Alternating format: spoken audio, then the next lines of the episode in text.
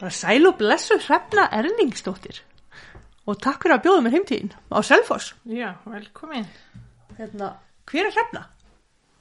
Það er góð spurning, hver er nefna? Þessi sem glimtist segi ég stundum. Hérna.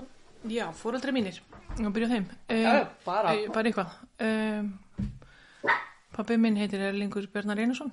Um, hann er austan. Og mamma er Hanna Júliustættir. Hún er uh, skjálbreiðarættinni. Já. Uh, Júl á skjálbreiði var afi minn. Þannig að ég er af þeim, þeim legnum. Já. Áreitlega fullt að ætti ekki með eigum og hérna sískinni bæði mömmu og pappa búa þar þannig að, að, að já, það er hún hrefna svona í, í, í kjölin en við erum sem sagt fimm sískinin og ég er í miðjunni Já. en við fjögur elstu erum fætt á fimm árum sko Já, ok. þannig að það er bara tröppagangur Já. þannig að það er mjög stutt á millakar Þannig að það verið fjör á heimilinu. það voru nokkri gaurar og þegar maður, er, þegar maður er þessi típa sem er svona afskaplar áli sko, ekki stress í gangi sko. þá hérna gleymis maður aldrei sko. Já. held að margir hafi ekkert vitað af mér fyrir, ég fór að, fyrir en ég og Jónas fórum að rækta blóm Já, ok. ég fikk alveg að heyra það að, að hérna að mamma ætti bara eina stelpu sko Já. við erum tvær sko Eh, Berglind er elst og svo ekki ég eða, sem sagt, já. og það voru of margir sem heldu að að mamma ætti bara eina stelpu og svo fylgta strákum Já. en það var að því ég var svo róleg sko Já. bara fallið einhvern veginn svona í bakgrunin.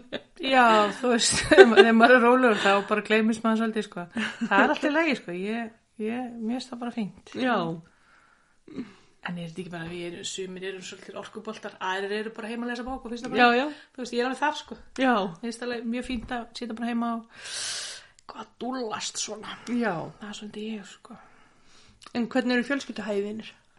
E, hvað minn eru? Bara ústartu gift eða? Já, já, ég er gift honum Jónasi. Ég- Já, maður kunni, maður heldur bara allir vita allt sko. Já. Já, Jónasi maðurinn minn, hann, við, hann er svolítið gaman að segja frá því, við kynntum sem sagt fyrir 35 ára síðan.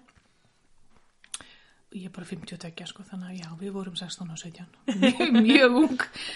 Og hérna, og hérna, hann kom að verðið í eigum, til eiga, í hérna, desember 86. Já.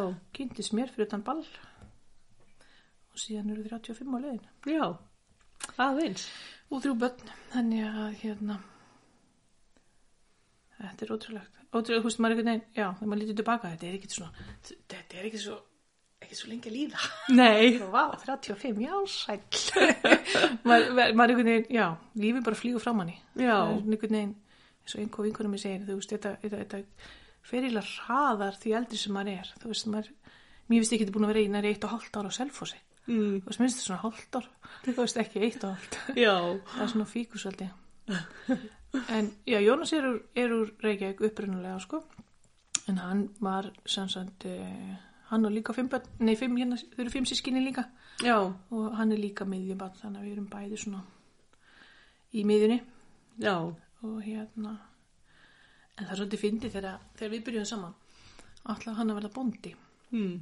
ég horfði á hann að hristi haus og sagði nei Jónas minn, þá þarf það velja ykkur annan hann greiðlega skipt um skoðun því að hann fór ekkert sko Já. Ég, ég var ekki að fara að mjólka beljur eða að reyka ykkur á rollur eða eitthvað sko, það er bara, ég er alltaf mikið félagsverða sko, það er, ég bara myndi bara degja hann sko. Já. þannig að það það, hérna, það var það ekki en það er svona fyrst mér svo gaman að, þú veist, þegar maður lítið tilbaka að, að hérna að sjá að sko að, að hafa áhuga, að brenna þetta áhuga að verða bóndi Mm. og enda svo að verða gargibóndi Já. það er svona, þú veist, lífið er svolítið þannig þú veist, þú ferð að stað með eitthvað eitt ákveðið og svo ferðu bara eitthvað alltaf að leið sko. og hérna en hann er alltaf eitthvað að rækta og eitthvað, alltaf eitthvað að gangi sko. hann er yfirleitt með fugla og fiska og ketti og bara, þú veist, þetta er eins og eins og gældur að bústundum sko. ég held að þessi búin að reyna allavega svona þrísar að byrja að rækta fiska Já, ok. nýbúin að, þú veist, hætta við að hætta því, sko, og já, já, eins og í kjallarana núna eru fjögfiskabúr sem að, þú veist, hann ætlar að fara að hætta, sko, Já. þú veist, hann má bara ráða þessu, þú veist, Já. þetta trubla mikið með mér með nóg plást, þá Einmitt. má bara gera sem að vill, það er bara þannig, Já. en hérna, já, við sem sagt, við vorum að hugsa þetta eftir að koma hinga, hversu ótrúlegt það er hvað við erum búin að vera að vinna mikið saman, Mm. þú veist, hjón gera það yfirlt ekki sko en sjaldan en ég, við byrjuðum saman sem sagt þannig 86 og svo náttúrulega fóru börnin að koma og alltaf en uh, á ykkur tímapunkti, við vorum í fristús í 15 ár Mhm. hann á, á hérna hann á liftara í fristukljóðanum einn Já. og bóndinn alinn bara og slagaman og hérna og, uh, og ég var upp á flæðilínu bara, skerfisk svo náttúrulega duga aldrei launin sko, þannig að maður var alltaf að reyna reyna hérna að láta launin duga, þannig að við fórum og tókum að okkur að, að hérna að þrýfa flökunni við hann Mm. í Ísuleginu það var svona fyrsta sem við unnum saman Mm. og ég vann eftir hátti af því að str- strákarnir voru báði fættir þarna þeir eru fættir 88 og 92 og, og ég vann eftir hátti var með strákarnir fyrir hátti og, og vann eftir hátti og tók svo flu- sem sagt, þreif svo flökunum verið eftir það Já. og hérna hann var, í, hann var að vinna allan daginn og tók svo flökunum en sem sagt, við vorum saman í að þrýfa flökunum verið Já. það var eitthvað nokkur ár að ég er góð með smúlin Já. en uh, hérna, það byrjaði þannig sko en svo voru vorin hundleið á vinni fyrstúsi þannig að við ákvaðum að skella okkur í skella okkur í eitthvað allt allt annað og settum auglýsingu í hérna þau verið fréttablaði fyrir einhverjum mokkana eða eitthvað um að hjón ósku eftir starfi á Suðurlandi Já. það var ótrúlegt þú veist, já við náðum að hérna landa samningi hjá Garíkstöð Já. sem að við vorum fluttum til og það voru búið flúðum Já. vorum þar í sex mánu en en svo hérna svo var stöðin seld þannig að við neittumst til þess að fara Já. vorum svo tvö ár allt í allt í burtu sko og þá fundum við alveg að sko við sáum svo mikið mjöna strákunum þeir voru fimm og níu ára þarna Mm. og hugsaðum með okkur, nei, þetta, úst, þeir voru náttúrulega vanir að vera að gaurast úti og bara mm. og skoppa eins og krakkar gera en þarna voru þetta borðnar inn í verur og okkur mm. lest ekki það þannig að eftir tvö ára bálandi þá fluttu við, fluttu við til eigi aftur og hérna og ég sá ekki eftir því það er rosalega gott að alveg börn í eigum Mm. það er alveg dásanlegt því að þú veist, þessi samhugur sem er svo sterkur í eigum og þessi, þessi sko að krakkarnir geta bara skottast yfir í, í þar næstu götu að hitta vini sína, það er svo dásanlegt og það gefur manni sko það gefur manni svo mikið, miklu öryggistilfinningu að krakkarnir fara að búið að leika og það er allt í lægi en það var ekkert í lægi þegar byggum í Reykjavík maður þurfti því helst að kera þeim þanga eða, eða fylgjaði með þanga þegar þetta voru yfir 2-3 stórar umfyrirgötur þannig að maður svona, já, maður svona þetta var skýrsalega Já. en, en hérna, það var samt sko svona þó, þó við séum farið núna það var það í raunum verið aldrei planið bara ægslast þannig, þú veist, maður þetta er spurningum að hafa vinnu bara, Já. en Og líka kannski vinnu sem að hendar eða úst. ég sem hann er langar til að gera sko, Já. við náttúrulega byrjuðum sko eftir að koma tilbaka e, þarna 99 þá byrjuðum við að, að byggja gróðrús mm Mhm. -hmm. Jónas er búin að vera með gróðrús alveg síðan 86 eða eitthvað líka, þú veist, fyrst bara svona fermeter og svo alltaf aðeinstar og aðeinstar og aðeinstar og ég held að sé búin að byggja sér þrjú núna stór sko, sem stór þá er ég að tala um svona kannski 15-20 fermetri eða starra sko Já. og hérna já, þannig að við fórum í, í ja, hann fór í það að byggja þessi gróðrús og, og hérna ég hristi bara hausinu sem já, maðurinn er klíkar já, já, hann, hann má bara gera þetta, þú veist, ok, allt í lega að prófa þetta Já. Þú veist, ég Þessi ég segi alltaf, ég er til í allt nema sjálfsmór sko. bara, Já. ég er alveg til í þetta, já, prófum þetta bara og hann sem sagt byði gróðrúsi og við fórum að, að rekta og það hefði engin trú á honum þú veist, Já. það er fólk bara hristi hausin sko. hann er rugglaður en ég meina, ok, þú veist, þetta er, þetta er, þetta er eitthvað sem að- mann langar til að prófa Mhm. það var bara gott mál, sko og það reyndist, sko það var, þetta er, þetta er svona eitt af þessu sem að var alveg rosalega gaman að gera Já. mér fannst þetta æði mér fannst sko þú veist þegar að- þegar að, hérna já við vorum að þessu semst frá 2001 þegar stelpan okkur fæðist maður ekkert að voru ykkur 15-17 ár sem við gerðum þetta en svo náttúrulega svo fór fólk að spyrja um sko hvort að við getum kannski hjálpa þeim eða úða garða eða klippa garða eða sjá um garða Hmm. af því það náttúrulega var tölvölda fólki sem að gæti ekki gert það sjálft sko út af hilsunni Þannig að Jónas ákvað að skella sér í skóla, Mm. styrkja stöðu sína og hann þrælaði sér í, í hérna garrikjusængin og ég var, ég var reynda komin inn í kennarháskólan þarna sko. Já, Ég fór í, við fórum sem sagt bæði í nám 2008, já. tvei viku fyrir hrun. Alveg típist. Hún dugnaður í ykkur. Alveg krafti sko og við hérna hann útskrifast 2010 og það var árið sem ég fikk heila blófat sko. Mm. Vissi ekki af því sko en ég menna eins og við verkafólk ég menna erum um oft með hausverk eða stífa nakka eða stífa rakslir eða hvað það er skilja og ég var það, þú veist, það var jafn mikilvægt að eiga íbúfinn fyrir helgina eins og eiga nokkra lítar mjólk sko Já. þú veist, það er bara hrefna þar sitt íbúfinn, það bara fær hún sitt íbúfinn sem náttúrulega eftir á að hyggja, það náttúrulega játa, játa að gera eitthvað í Ísus, játa stíðan mm. fæti og láta rannsaka mig betur, því að þetta var ekkit eðlilegt. Nei. Þannig ég er ekkert að reyna að hræða neitt, sko, þetta er oft með hausir, kannski stekka því. Já. en, en hérna, Nei, oft bara sett stimpil bara æföðvabólga eða eitthvað. Já, svona. ég var búin að fara á miljón sundilæknis og þetta var einmitt, einmitt nákvæmlega svona sko. En svo náttúrulega fæ ég þetta áfallarna 2010. Þetta ekki ég var að ræða það eitthvað. Já, já, Bara ef þú vilt, þú ert bara, já, við getum gert það. Þarna vorum við sem sagt með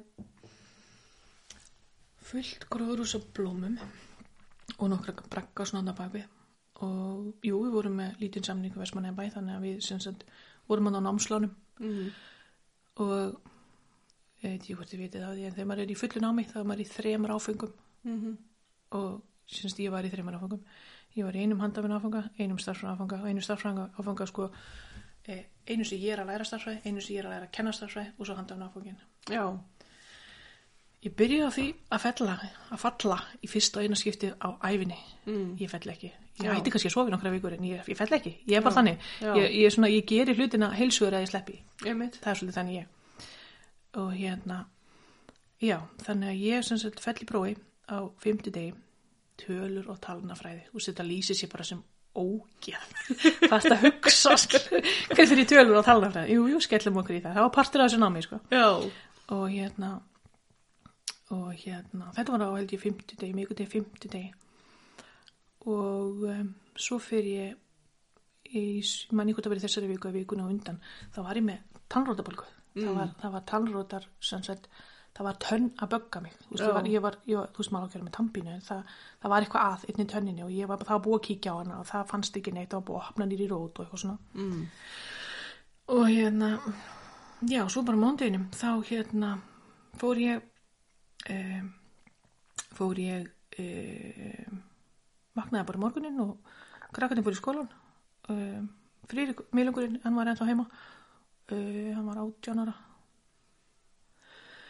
og selpa nýjara og svo var elsti hann var farinn að heiman Mm. og hann hérna ég fór á fætur og hann og ég, semst, við vorum semst að plana að fara að dreikja ykkur á þriðudeginum eins og við gerðum oft, tókum dagsfyrr fórum á mótn og komum að kvöldi, kaupa hérna potta og málut og svona þetta sem við ætlum að selja semst að því að svo blóma salan átt að opna í þeirri viku sko Já. og ég hef búin að vera með Eigló Inguls hún er algjör, eins og ég kallar hún er náttúrulega bjargvættur um einn sko Já.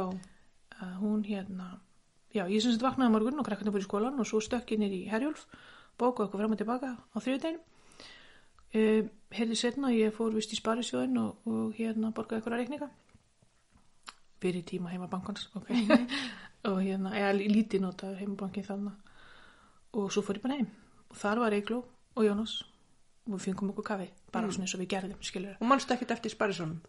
ég man ekkert eftir þessum degi Já, ok. það var að farið Vá. og ég sem sagt Jónas fer og, og hérna við fíkum okkur kaffi og bara, já, ég heyrðu, við ætlum að taka þessa potta og jari, jari, ok, allt í góð, við gerum það og við sem sagt, ég og Elín ég og hérna ég og Egló fyrir að vinna og Jónas fer að, hann var að fara að klippa eða eitthvað, þetta var hann 10. mæ 2010 en svo bara fer ég að fá okkur nosa skrítin verk í höfuðið að mér líður eins og sé að líði yfir mig og Egló segir alveg, Remna, vilt ekki fá því sæti, náðu hann í koll og skellt undir mig en ég eiginlega bara limpast nýður Já.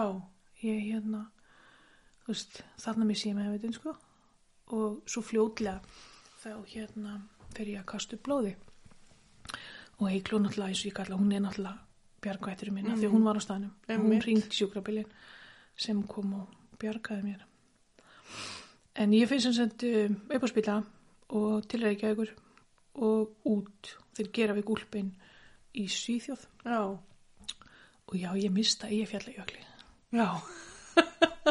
ég mista þessu sko. ég man eftir einu degi hérna að eitthvað þess að það sem að maður sá strókin sko. Já. en annað ekki nei sko. Já. en ég fjalli jökul náttúrulega kostaði það að það langaði engum að skreita garðinsin með blómum Nei. þannig að ég satt uppi með alla mína peninga í blómum og ég gæti ekki seltu Já. og já, svo náttúrulega með, með námið sko. þarna var ég sem sagt fjalli í starffræðinni Mhm. með 4,5 Nei. 4,55 hefði dugað. Ég héti í þarna ef ég verði ykkur tíma kennari þá mun ég aldrei fella nefnda á 0,05. Já. Þetta er ljótt. Já. Kamast einn. Þetta er ljótt. Svo náttúrulega var ég í einum sem sagt um, ég að kennast þar sæði. Ég rann í gegnum mann, ekkert mál. En mappan sem að ég var í, í, starf, í hérna, handafinu áfanganum Mm. Listgreinahús Háskóla Íslands og Listahús Háskóla Íslands er í sömu götu, Mhm. skipholt, bólholt, ykkur stær, eitthvað holt hana. Ég senda hana vitlaus stað, vitlausan stað. Æ, æ. Þannig að ég fekk engin námslán. Æ, æ, æ. Þannig að ég alveg bara, "Ah, anskotin hafa fyrir. En ég vissi þetta ekkert fyrir, en sko, þetta gerist þegar ég er veik, sko. Já. Þetta er náttúrulega 10. mæ, vikist ég, og þarna var ég semst að klára síðasta prófið og hérna fer náttúrulega bara svo mína leið í mínu veikindum en, en, en mappan náttúrulega var týnd það var ekki hægt að meta hana Mhm. Já. en, en, en hérna, þessi kona sem að sá minnan en hann áfanga, hún hafði sambandi við okkur og hún röldi yfir í hitt húsi og náði í vöfn Já, ok. en ég hafa búin að sína öll verkefnin sem sagt með myndum að þetta er náttúrulega allt, allt í fjarnámi Mhm. þá var ég búin að sína þetta allt með myndum inn á netinu þannig að hún sagðist geta metið það þar en svo frétt hún af því að mappan væri bara aðeins í þar næsta húsi eða eitthvað þannig að hún fer og, og hérna sækir möppina þessi elska og sætt af henni þannig að já, þannig að ég var sem sagt eh, allt í allt e, tvær ykkur á kjörgjörslu man ekkert eftir því ég var tvær ykkur, um það bil Mm. tvær ykkur á spítalarnum í Reykjavík þar fer ég að muna sko Mm. og ekki sjöndar að þú veist, vissi tvær ykkur í júni 2010 var alltaf sól, það var að gegja ég var alltaf í sólbæði, Já. það er eina sem ég man sko Já. Jónas að gefa mér ís og ég var í sólbæði og náttúrulega allt ásamlega fólki sem var með mér hana, á þessum stað en svo var ég sett sko að því ég gæti ekki gengið Mhm. þú veist, það er svo skytið þegar maður lendir í svona, svona áfalli þá hérna það, það er svona sett batteri bara er tóm Mm. þú veist, þú stendur upp og þá er orkan búin Já. og þá, hérna, þú veist, þú hefur ekki þú veist, þannig svo lappindina er, svona frá mitti og nerur séu svo þung að þú getur ekki liftin. Já, skrítið. Þetta er rosa skrítin tilfinning en það, er svo- það er líka skrítið að ég var aldrei sætt ég var, Já. það var- kom aldrei yfir mér svona hugmynd eða svona tilfinninguleg guðminn almáttur ég var aldrei eftir að geta gengið aftur Já. það korlaði ekki að mér, Nei. þú veist en jú, jú, þarna var ég líka að endurtaka mig alveg endalus, sko af því að, sko, bæði semst eiginlega andlega og líkamlega hliði maður bara, þú veist, hún var bara ekki til staðar í raun og veru og að endurtaka sig var eitthvað sem ég gerði bara mjög reglulega, sko Já. en þau voru búin að finna það út á þeim að hvað þau voru kvött til þess að kvíla mig sem mest Mhm. og hérna og ég, það er sorglega við að ég gerir þetta ennþá ég endurtek mig ennþá þegar að sko þegar ég er hún þreytt Mhm. að því að sko batterið er komið upp í svona, hvað ég segja 6-7 tíma, Mhm. þá er ég bara búin að fá ná Já. þá, sko þá, hérna þá fyrir mig að svima Mm. og ég bara kem mér heim og ég minni svo núna, ég, ég finna alveg að batterið er stórt og þegar ég er orðið þreytt þá bara fer ég upp í rúm og ég leggst aðeins neður Einmitt. og það er svo skrítið, þú veist, þegar ég er þreytt í höfðinu þá er eins og eins og hérna til þess að lýsa þessu fyrir fólk sem hefur ekki upplifað þetta og hristir á rausinn til hægri og vinstri og ógesla rátt, eins rætt og þú getur og stoppar Já. þetta er sekundubrót það sem þú sérð allt en það er ekki á réttum stað Já. þannig líði mér Já. þegar ég er orðin þreytt Já. og þá bara, þú veist, ég pýri augun ég, svona, ég bara kem mér upp í rúm skilur, Já. en það er svo skytið, ég þarf ekki nema svona hálftíma Já. upp í rúmi, með lokaaugun, eða bara eitthvað stað með lokaaugun Já. og hvíli ég heilan þetta er magna, við erum bara við kvöllum þetta heila pásu Já, mitt. þú veist alveg ef Jónas segir ég fann að endur taka mig og er, er orðin svona ekki alveg sér á að vera sko alveg, Já. já, remna, bása, já, bása Já. þú veist þá bara vitum við það að ég get ekki meir Einmitt. og, og hérna, þetta er búið alveg þetta er langt ferli að svo kynkja þessu Algjörlega. og eins og þetta þegar ég var var hérna já, sem sagt, ég var að tala um spítalan og svo fór ég á Grensás, tværjugur á, á hérna eh, innlögn eh, Grensás og svo var ég tværjugur heima hjá Dengdó þar sem að sista vinkuna skutlaði mér á mótnana og, og, og tók mér svolítið baka á kvöldin þannig Já. að það var bara verið að æfa hvort ég gæti mætt á mótnana, staði mína plikt og svo farið tilbaka. Þetta gekk alltaf út á bara hreyfingu, þjálfa minnið en vá, þú veist, fólk á Grensás þetta er, þetta er ótrúleitt fólk Mm. að geti þetta Já. alveg magnað fólk ég er ekki um sem ég geti þetta en svo veit maður ekki þú veist, ég menna, ég, maður veit ekki en allavega, þetta, þetta voru sem sagt, svona um það byrjum tveir mánir sem þetta tók að, að hérna eins og ég sé, koma mér á lappinnar aftur Mm -hmm.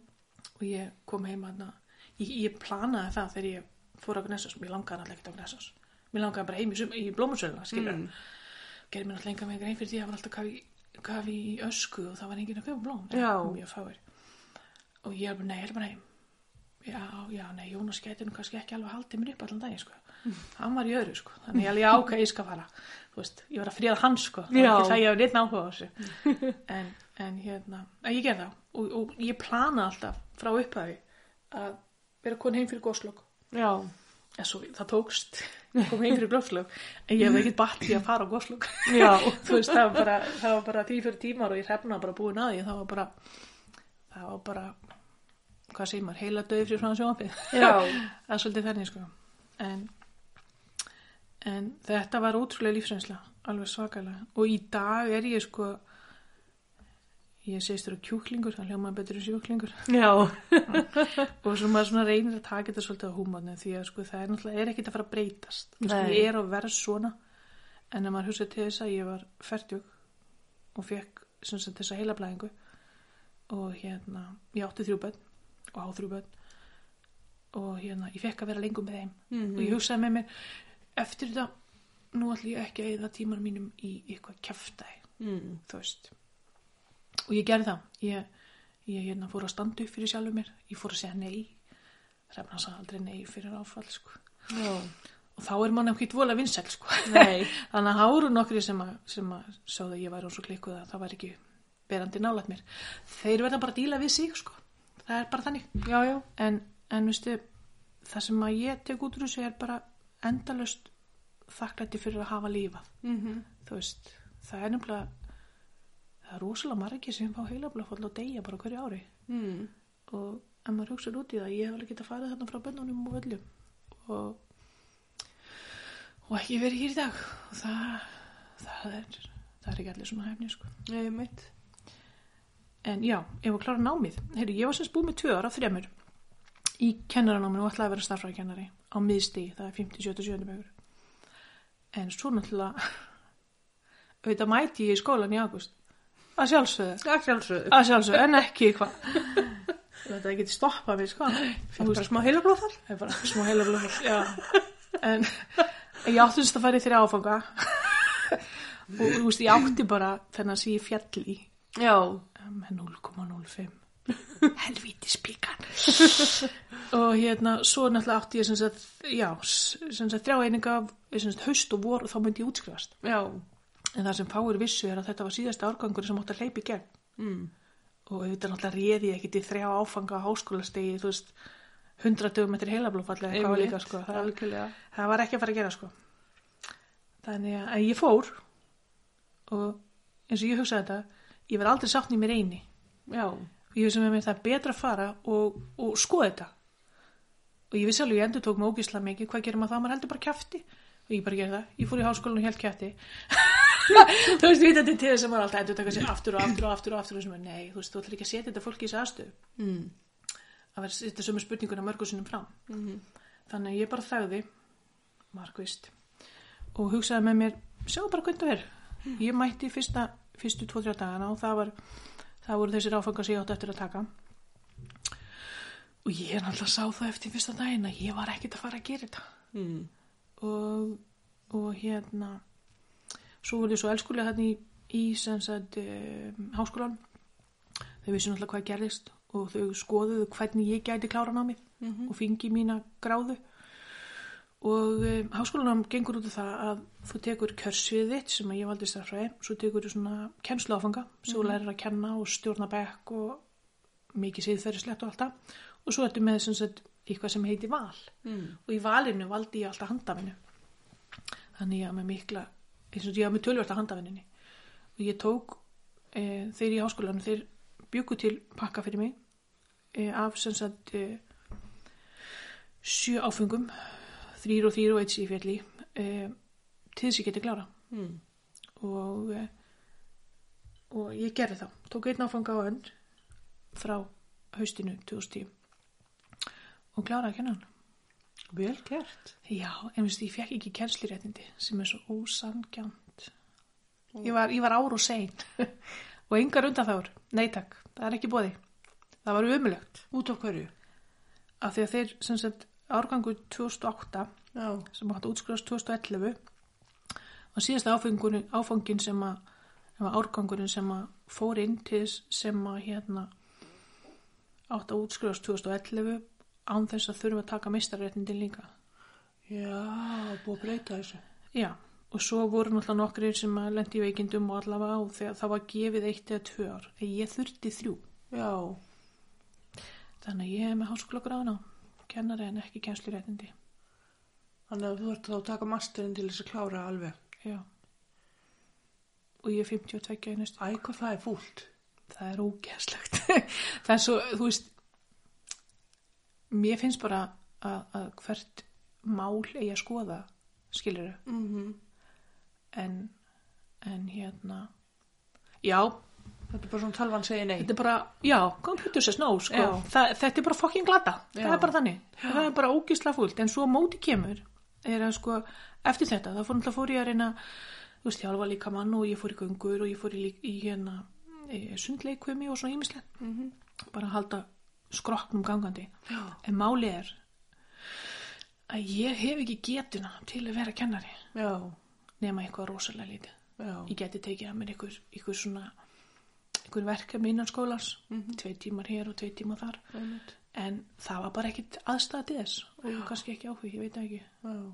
en ég fór í ég fór í hérna aflýsingar í skólanum Mhm. -hmm.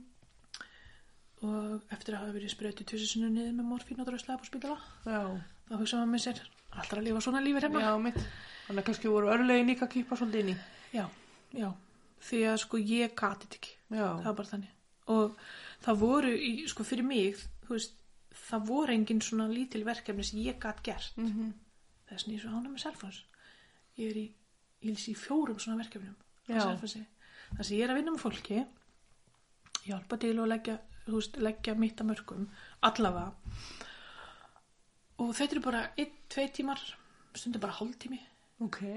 og svo bara fyrir heim sem er ósla fínt Æðislega. og þá passa ég mig bara, ég er ekki dreitt í kem og ég passa bara batteri í þann daginn Já, þess vegna er ég svo þakklátt fyrir Selfoss já. Og hvar, hvar ertu þá að vinna? Eða, úst. e, þetta er allt sem sjálfbóða vinna Já, sko, já. af því að þegar ég var með bætirnar ef ég, ef ég voga mér að vinna mér í neina krónu Já. e, ekki það að ég sé horf í það, alls ekki en, en þetta er allt saman verkefni á mig á Rauðakrossins í, Já, ok. í, á Selfossi Já. ég hérna eins og núna þá er ég sem sagt að e, prjóna með Rauðakrossinum til sinni viku og annars skiptið er bara fyrir mann sjálfan Mm. maður aðeins hvað maður brjónar og svo er hitt skiptið þá er þá er hérna það verður að brjóna fyrir basarinn sem er til þess að halda starfinu gangandi Já, ok. og fullt af gæluverkefnum við höfum brjóna fyrir konukot eh, fangan og litlarraunni, bara ímislegt Já. og þeir skaffa allt, þeir skaffa allt sem þið vantar og þú hefur alveg frjálsar hendur þú veist, það er hann að gatn og það er hann að brjónar fullt af því, bara hvað langar það að gera mm.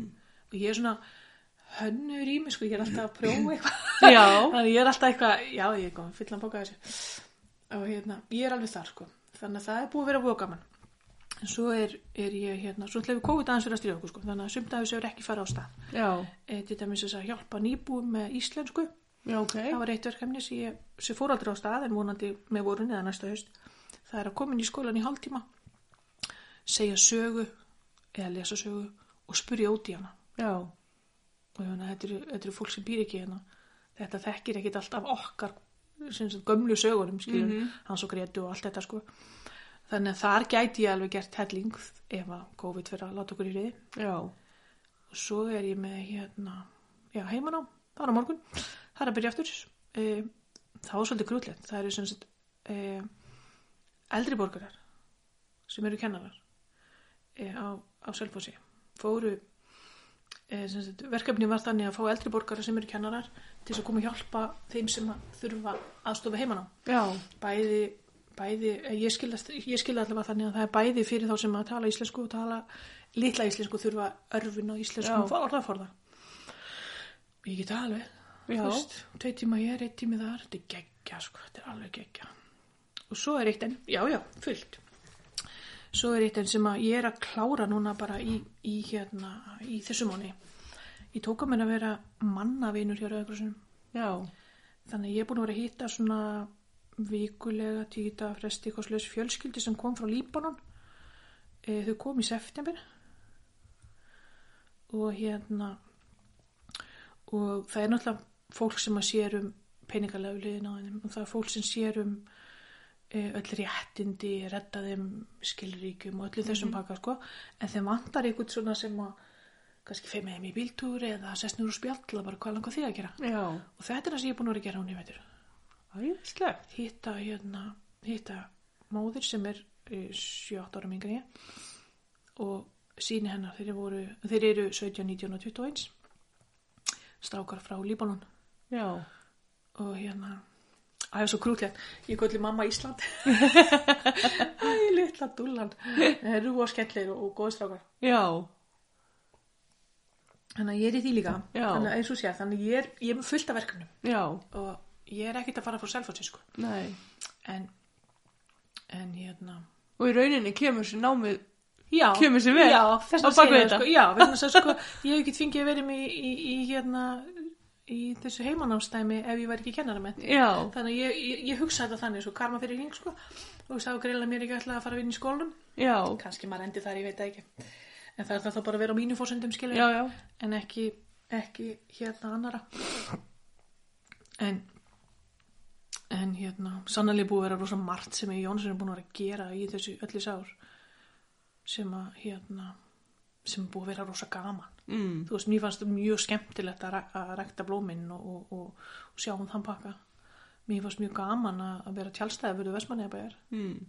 það var einmitt verkefni sem ég reyði við þú veist, geta farið bara í tvo tíma og þá, þá plana ég bara svolítið daginn skilur, ok, nefna, þú vakna bara þú veist þarna og svo bara ferði í tvo tíma nefnir og skifur heim og gulleri og hendir í þvóttagalna þú veist, þú bara púslar þessu saman, svona Já. eins og við gerum bara, þú veist, allir gera, ég bara gerum þú veist, það eru minni einingar sem fari í verkefni, skilur, Já, já. hjá mér sko Já, já. þannig að maður púslar þessu bara saman þannig að það, það gangi vel en jú, sannlega var fúlt að missa tjálstæði, Já. ég veikjum það alveg mér fannst þetta ljót, mér fannst þetta mér finnst því miður verð ég að segja það mér finnst, mér finnst hérna pólitíkin í Vestmanni, mér finnst hún ljót Mm mér finnst hún ósangjöld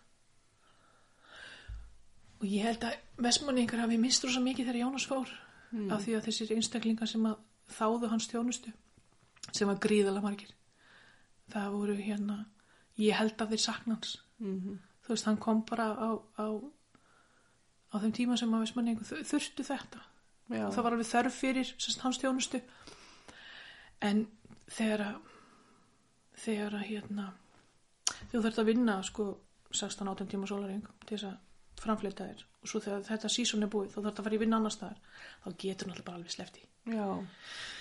en það verður því miður að segjast þegar að sko að þarna kemur Vestmannaða bær mjög stert inn sko Mm.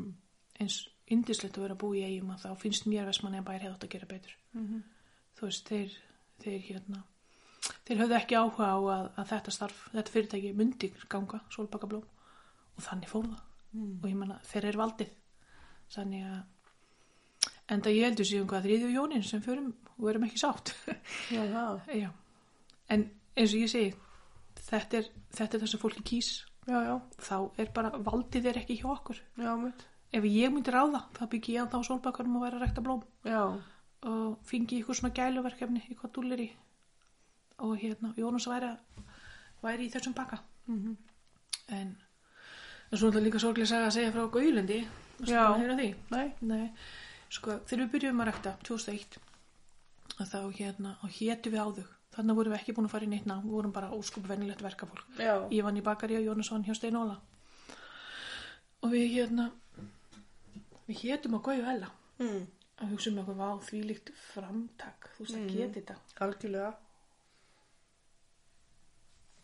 að hérna að, að, að fara upp raun og rækta upp lítinn garð Mm-hmm.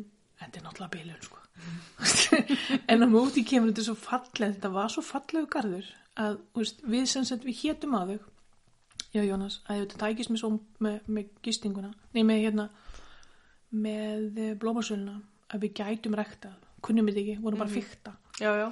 Eða hann var að fykta og ég var með og hérna og hétu við að þau og við mættum hana nokkur ár með bara gjafabref ég gleymi aldrei, gauja, hún fór bara að gráta greið Næ. Æ, þetta var svo sætt. Okkur fannst þetta sjálfsagt, skilur, við rektum hana einhvern góðan slatta blómum og þau bara runn út bara, gekk rosa vel. Og hérna, og við sem sagt, já, við færðum henni gjafabrjöf og, og hérna, og hún fór og setti öll þessi blóm í garðin sem var bara dásamleg. Mm. En svo liðu bara nokkur ár, þá hérna, þá hérna fór, fór heilsan þeirra að versna, sko, hann, þau voru, hann, þau voru, hann var hættur að keira, þannig að það var bara lista fólki í eigum sem bara skuttlaði þeim, Já. það sýnir sig hvað að falla þetta búi í eigum, þú veist, það var bara, já, þeir sem, að- sem sagt, þekktu þau mjög vel og þau, sem sagt, gáðu bara upp símanúmerið sitt, þú ringir bara í mig vel kosti byggja auðlönd og það var bara næst á listanum, svo vildu þau ekki bögga margi í einu, þess að sama mannin oft, skilja, Já. þannig að þau ringdi í þennan á mándi og þennan á þriði eða hvernig sem það var sko. og hérna já þannig að við sem sett gáðum þetta gjafabref og, og þau komu og við skutlum fyllt að dóti upp í dyr og þau gerðu fallegt orði en svo þegar helsan fór að klikka þá hérna buðum við þá komum við með líklan til okkur sagði við Jónas, viltu taka við Já. og ég var ekki heima Já. ég veit ekki alveg hvað ég hefði sagt en maður segir maður nei við svona Nei. eiginlega ekki sko það er eiginlega ekki hægt en, en við gerum það og hann var með þetta í mann ekki það var, það var vel yfir tíu ára held ég Mm. en það sárasta við það og þarna kemur aftur af þeim sem að mér finnst svolítið hafa stígið í veg fyrir okkur það var að sko þegar Gau og Elli voru með lundin þá var rafmagn og vatnar Mm svo voru framkvæmdur upp í sorpu og vatn og rafmagn fór í sundur í Gauðlandi þau Hmm. tóku lögnin í sundur upp í sorpu og já, Átni Jónsson sá um að maður komið sá þetta var verulega fallega gert á honum og Já. þetta er náttúrulega grunnurinn af því að geta rækta er, er, Algjörlega. er, er semst vera bara með að því ég meina hverfa tala um 15-20 cm móldalaga yfir, yfir yfir vikri -hmm. það heldur ekkit rosalega miklu raka Einmitt. þú veist að þetta ekki nema viku í þurrk og, og vind að þá er allt úr skrana Mm-hmm. þannig að þú þarft að sinni svo rosalega vel en nei, þeir sem það tóku saman tóku sundur hérna þessa, þessa lögn og um, eins sorglegt eins og er að segja það þá Jónas gekk á milli manna hérna í mörg ár og þau, það vildi enginn hjálpa honum Það setja þetta allt saman. eða þú Setjum skal þetta aftur saman, nýja- setjum þetta aftur saman. Nei, það var ekki áhug fyrir því. En hann endaði með að gera það sjálfur. Já. Mm. Lögnina sem sagt í, e, í vatninu, hann náði því. Og, e, en ég held að Guðlund sé að það rámaslaus. Þannig að gósbrunninu getur ekki farið á stað og ég menna þú ert að vinna þannig að þá þarftu náttúrulega rammasporvilar og allt þetta mm. dót sem þú þarft að geta hlaði. Þannig að hérna, jú, og náttúrulega vökuð. Já, já. En þetta var svakalega sorglegt og ég, ég sé alveg á Jónasi, hann er rosa sár. Hann er rosa sár út í það að þú veist það stigiði veg fyrir hann Mhm. og hann, hann hérna, já eins og bara gerist til hjá, þetta er bara ljótt. Mhm. Mm-hmm. Þetta er ógíslega ljótt. Kannski bara vildi þau ekki að Gauðlundur held áfram, ég veit það ekki. Ég samt skil nú ekki alveg pælingunum með því að því að þetta er svona þetta er svolítið svona attrakt eða hvað ég maður segja, Að- aðdráttarafl Já, þetta er nefnilega eitt af þessum sem eru auglistu með hérna. Mhm. Þess vegna var ég persónulega mjög hissa á þessu og ég var ekki að trúi þessi í mörg ár. En það var talað við fullt af fólki í eigum og það gerðist ekki neitt, mm. bara því miður. En mér langar ekki að um litlu með hennar, Já, minnst það svo æslegar. já, Ég, ég myndi segja ég var bara alveg þokkalega bensku. já Þú veist, jú, jú, við vorum hana fjögur og fimm árum og svo eitt lítil gormur hana. Hann Bjarnar er, á, er átt árum yngri en ég. og ég myndi segja sko, þú veist, eins og eins og þessi störsug vorum að gera, hvort sem það var í fristúsinu eða á leikskólanum eða skóladæmilinu eða hvað ég var að gera þú veist, ég var hann í 50 ár eða hvað líka, Mhm. það er 50 ár þá varst mér mórallin alltaf rosa góður Já. þú veist, mér fannst það var voru gaman að fara með, með liðin í, í, í á loðnuverti eins og er núna Já. ég man alveg hvernig það var, þetta Já. var alveg stemming sko. Já. þetta, ég veist, ég hef ekki heilsýt í dag ég veit það alveg, en, en þetta var þetta eru góða minningar Já.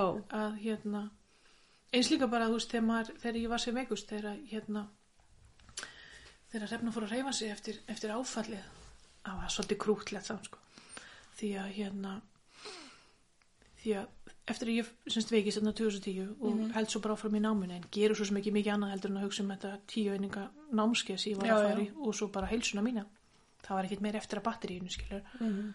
og hérna svo svo grúðlegt, ég er náttúrulega þurft að reyfa með því að ég reyðka föst, ég reyf mig ekki ég veit ekki hverslas gikt eða hvað það heitir, ég, þeir eru búin að rannsaka mig í ræmur, þeir veit ekki hvað ég, ég kallu læknifræðilegt undur Mm. Já, ok. þú veist, af því að þú veist hver lifir af heilablæðingu Já. en, en hérna já það sem ég var svo krúllett við eigarnar og, og það er svona mista svolítið lýsa þeim fólkinu sem býr þar að þegar ég fór í göngu sem var nú alltaf smá okkur en degi til að litka skrokkin að allir stoppuðu fyrir mér þurfti að fara í götu Já. allir, A, úst, allir alltaf Já. og það sýnir alveg sko hugin, æ, refnir að reyfa sig, skulum stoppa fyrir henni, hún þarf að komast yfir skólaðin Já. eða hún þarf að komast yfir strandegin eða hvernig sem er en hérna, þetta var rosa sætt Mm. virkilega og þetta svona tek ég með mér frá eigunum að sko, samhugurinn er rosalega, rosalega sterkur og, og hérna já, það er alveg rosalega mikið á góðu fólki Mm. þó svo að við höfum ekki geta reikið þetta fyrir það ekki Já, já. að þá hérna þá hérna þá er er restin finnst mér bara að vera svolítið lífsreynsla eins og með tjálstæðið, eins og með gistinguna og svo náttúrulega hjálpar almættjusindum við náðum að selja við náðum að selja sem sagt okkar hús og hérna Já, svo voru þið komið gistingu eða ekki. Jú, við áttum alveg þrjá regnir í heim, sko. Já. Hástissu þrjú, Solbakkan, sko. Og svo áttum við, hérna, Hástissu 40, keftum hann fyrst, það var hann að, það stóðs við liðan á hottunni á heiða við á Hástissu. Mm -hmm. Og svo keftum við, síðast, þá keftum við húsi sem að Rödd bjói sjálf. Já. Og hún var með gistingu niður en við tókum gistingu í allt og segja Já. tókum aðeins til hendinni og, og hérna gerðum það bara mjög fín húsi e, sko fyrsta ári gekk ágætlega og þetta vonast maður til þess að verða ekki minna en svo náttúrulega fór váar á hausinn þá Já. mistum við um það byggjum helmingin af okkar bókunum Já, ok. þetta er náttúrulega lágjald að gistu Já. fylgir lágjald að flugfélagi Einmitt. þannig að en hérna en já þannig að sko já, fyrsta ári myndi ég segja að við gengi bara, bara alveg ágætlega með bæði húsin sko og hérna en svo strax á öðru ári það fór váur á hausinn sem kostaði mikið á bókunum hjá okkur og svo á þriðja ári þá þá kom COVID Já. Þannig að maður, já, ok, þetta er greinilega ekki hvað sem okkur er alltaf, sko. En, en hérna, en mér sýttar samt, sko, þetta var alveg gaman að reyna þetta. Mm -hmm. Myndi ég gera þetta aftur? Nei, Já. þetta er rosa, Þetta er ekki rosa vinna. jú, við gerðum náttúrulega allt sjálf, sko. Mhm. Eins og típiskum íslendingi sæmi, Já, já. sko. Þú veist, við náttúrulega tókum við bókununum, samskipti við, við skitavinni, ég fylg tókum á mótunum ef hann gæti ekki tjekka sinn sjálfur. Mm. Og við byggum um rúmið, við þrifum herbyggju og svo þóðum við þvottin líka. Einmitt. Þannig að já, þetta var Og allur, sáum viðhald og allt saman. allan pakkan sko, allan pakkan sko. Þannig að, að hérna, en málið er líka sko, e, innkoman er svo lítil að þú ert ekki aðstöð til að ráða í starfsfólk. Nei. Það er málið sko. Já. Þannig að það var ekki það, að ég vildi ekki, ég, til dæmis bara setja, setja hérna rúmfötin í efnilöginna til dæmis. E, við skoðum það. Það hefði bara orðið það stór pakki að ég hefði alveg ekki bara sleppt ég að, að gera þetta, skilur Já. þú veist, að því að leið og, leið og eitt reikningurinn hækkar Einmitt. að þá, hérna, þá er þetta alltaf þá er náttúrulega bara minni í sneið sem ég fæ Einmitt. en það sem ég hefði viljað sjá í svona rekstri til dæmis eins og í eigum, þannig sem að sísonin er svo stutt Mm -hmm. það sem ég hefði viljað sjá er ég hefði viljað sjá bæinn koma meir inn í að lækka gjöld Já. því að sko fasteignagjöld, eh, hitt og rafan e, sorpgjöld þetta er allt miklu dýrar já, og maður hugsa með sér viti já ok virkilega en svona er það og náðu það að selja all húsin Herri, við náðum að selja fyrst auðvitað vorum við að vonast þess að geta selt sko gístinguna fyrst Mhm. Mm. og svo okkar já, það var, það var planið sko en svona plön er ekkert alltaf að virka þannig að við seldum fyrst Hrafnabjörg hástassu 40 og svo okkar hús já, og þá hérna vorum við náttúrulega bara á göttinni já já, hvað ætlum við að gera þannig vorum við náttúrulega bara orðin tvö skilur þannig að það er svo sem við gáttum farið hvað sem var og hérna en uh, já, við ætlum að, við ætlum að kaupa okkur garðkjustu já, það er nú sagði að segja frá því sko herri Jónas er langaði náttúrulega að rækta sko já skiljanlega og hann hérna við skoðuðum allar garðkjustöfar sem eru til sölu á Íslandi já, það er bara þannig voru það margar eða? 5-6 held ég já, ok, það er bara ekki talað um það sko nei þú þarf bara að þekki þetta fólki sem veit hvað, Já, já. hvað er það voru þó nokkrar, við vorum mjög heit fyrir einni en, en sko þannig vorum við komið svolítið um pening og gátum sem sagt um, sorglegt hún kostaði 100 miljónir já, og ég gætt sponsora 95 eða eitthvað álíka já, þannig að bankin vildi ekki gefa okkur 100% lán út af því að fastegnin var orðin svo lúin já þannig fjall það já, og við skoðum fleiri til dæmis eins og þetta jarðaberaland sem lendi í skaðanum núna Já, hvað er síðstu huga, það síðstu huga Já. það var eina þessu sem við skoðum já, ekkert smá flott hús sem fylgir því Hmm. svona, eh, svona sænst sænst, Mm. mm. þetta er ekki sænst hús já, fakara falli, ó, mér langaði í þetta hús það gegja, það var rosa flott og fín stöð, já, en svo fór maður að hugsa langur okkur að rækta jarðaber já, er það eitthvað sniðugt og ég meina við, við, við köstum fullt af boltum fram Já, og já. tilbaka og alveg endalaust en lendingin var að e, fara ekki út í þetta og svo sá hrefna grænt hús á selfósi en hérna já, þannig að við endum bara í þessu gamla hús á selfósi já, og svo er náttúrulega ennþá krútlega hvað Jóns er að gera hann hérna hann reyði sér sem bílstjóra hmm. hjá hérna dalarímulinu ás í hverjir bara til að hafa eitthvað Já, já. en plan B var náttúrulega bara að gera skarkjufræðingur hér gera það sama og við gerum ég starra, fér, starra samfélag mögulega Mhm. hugsalega gæti við lefað að því þú veist -hmm. og hérna en svo, já það var í það var í nóber fyrir rúm ári um, þeir sem sendu ég veit ekki hvort þú veist af því en sem sagt ás í hverjir grund og mörkin í Reykjavík við sama fyrirtækið Mm. þannig að þetta er mjög stórt fyrirtæki Mm og þeir sem sagt eh, í dag þá þá hérna þóðu til dæmis allan þvott í hverjari já, það er allir þvottur, það er bara þvott á hús ég held þetta væri heimili sjálf neina þetta á þvott á hús ok, ok, ok, það var já, ekki alveg að sé þetta bara en, já, en þeir sem sagt réði Jónas e, því að sko plani var að byrja að elda allan mat í hverjari mm. og þeir réðu hann í nóvumber fyrir rúm ári sem bílstjóra og hann hugsaði með sko ég get alveg verið bílstjóri, það er bílpróf Já. góður, góður á bíl, ekki máli, ég, bara, ég er bara bílstjóri svo bara sjáum við til hvað verður en hann fekk sem sagt hann fekk sem sagt uh,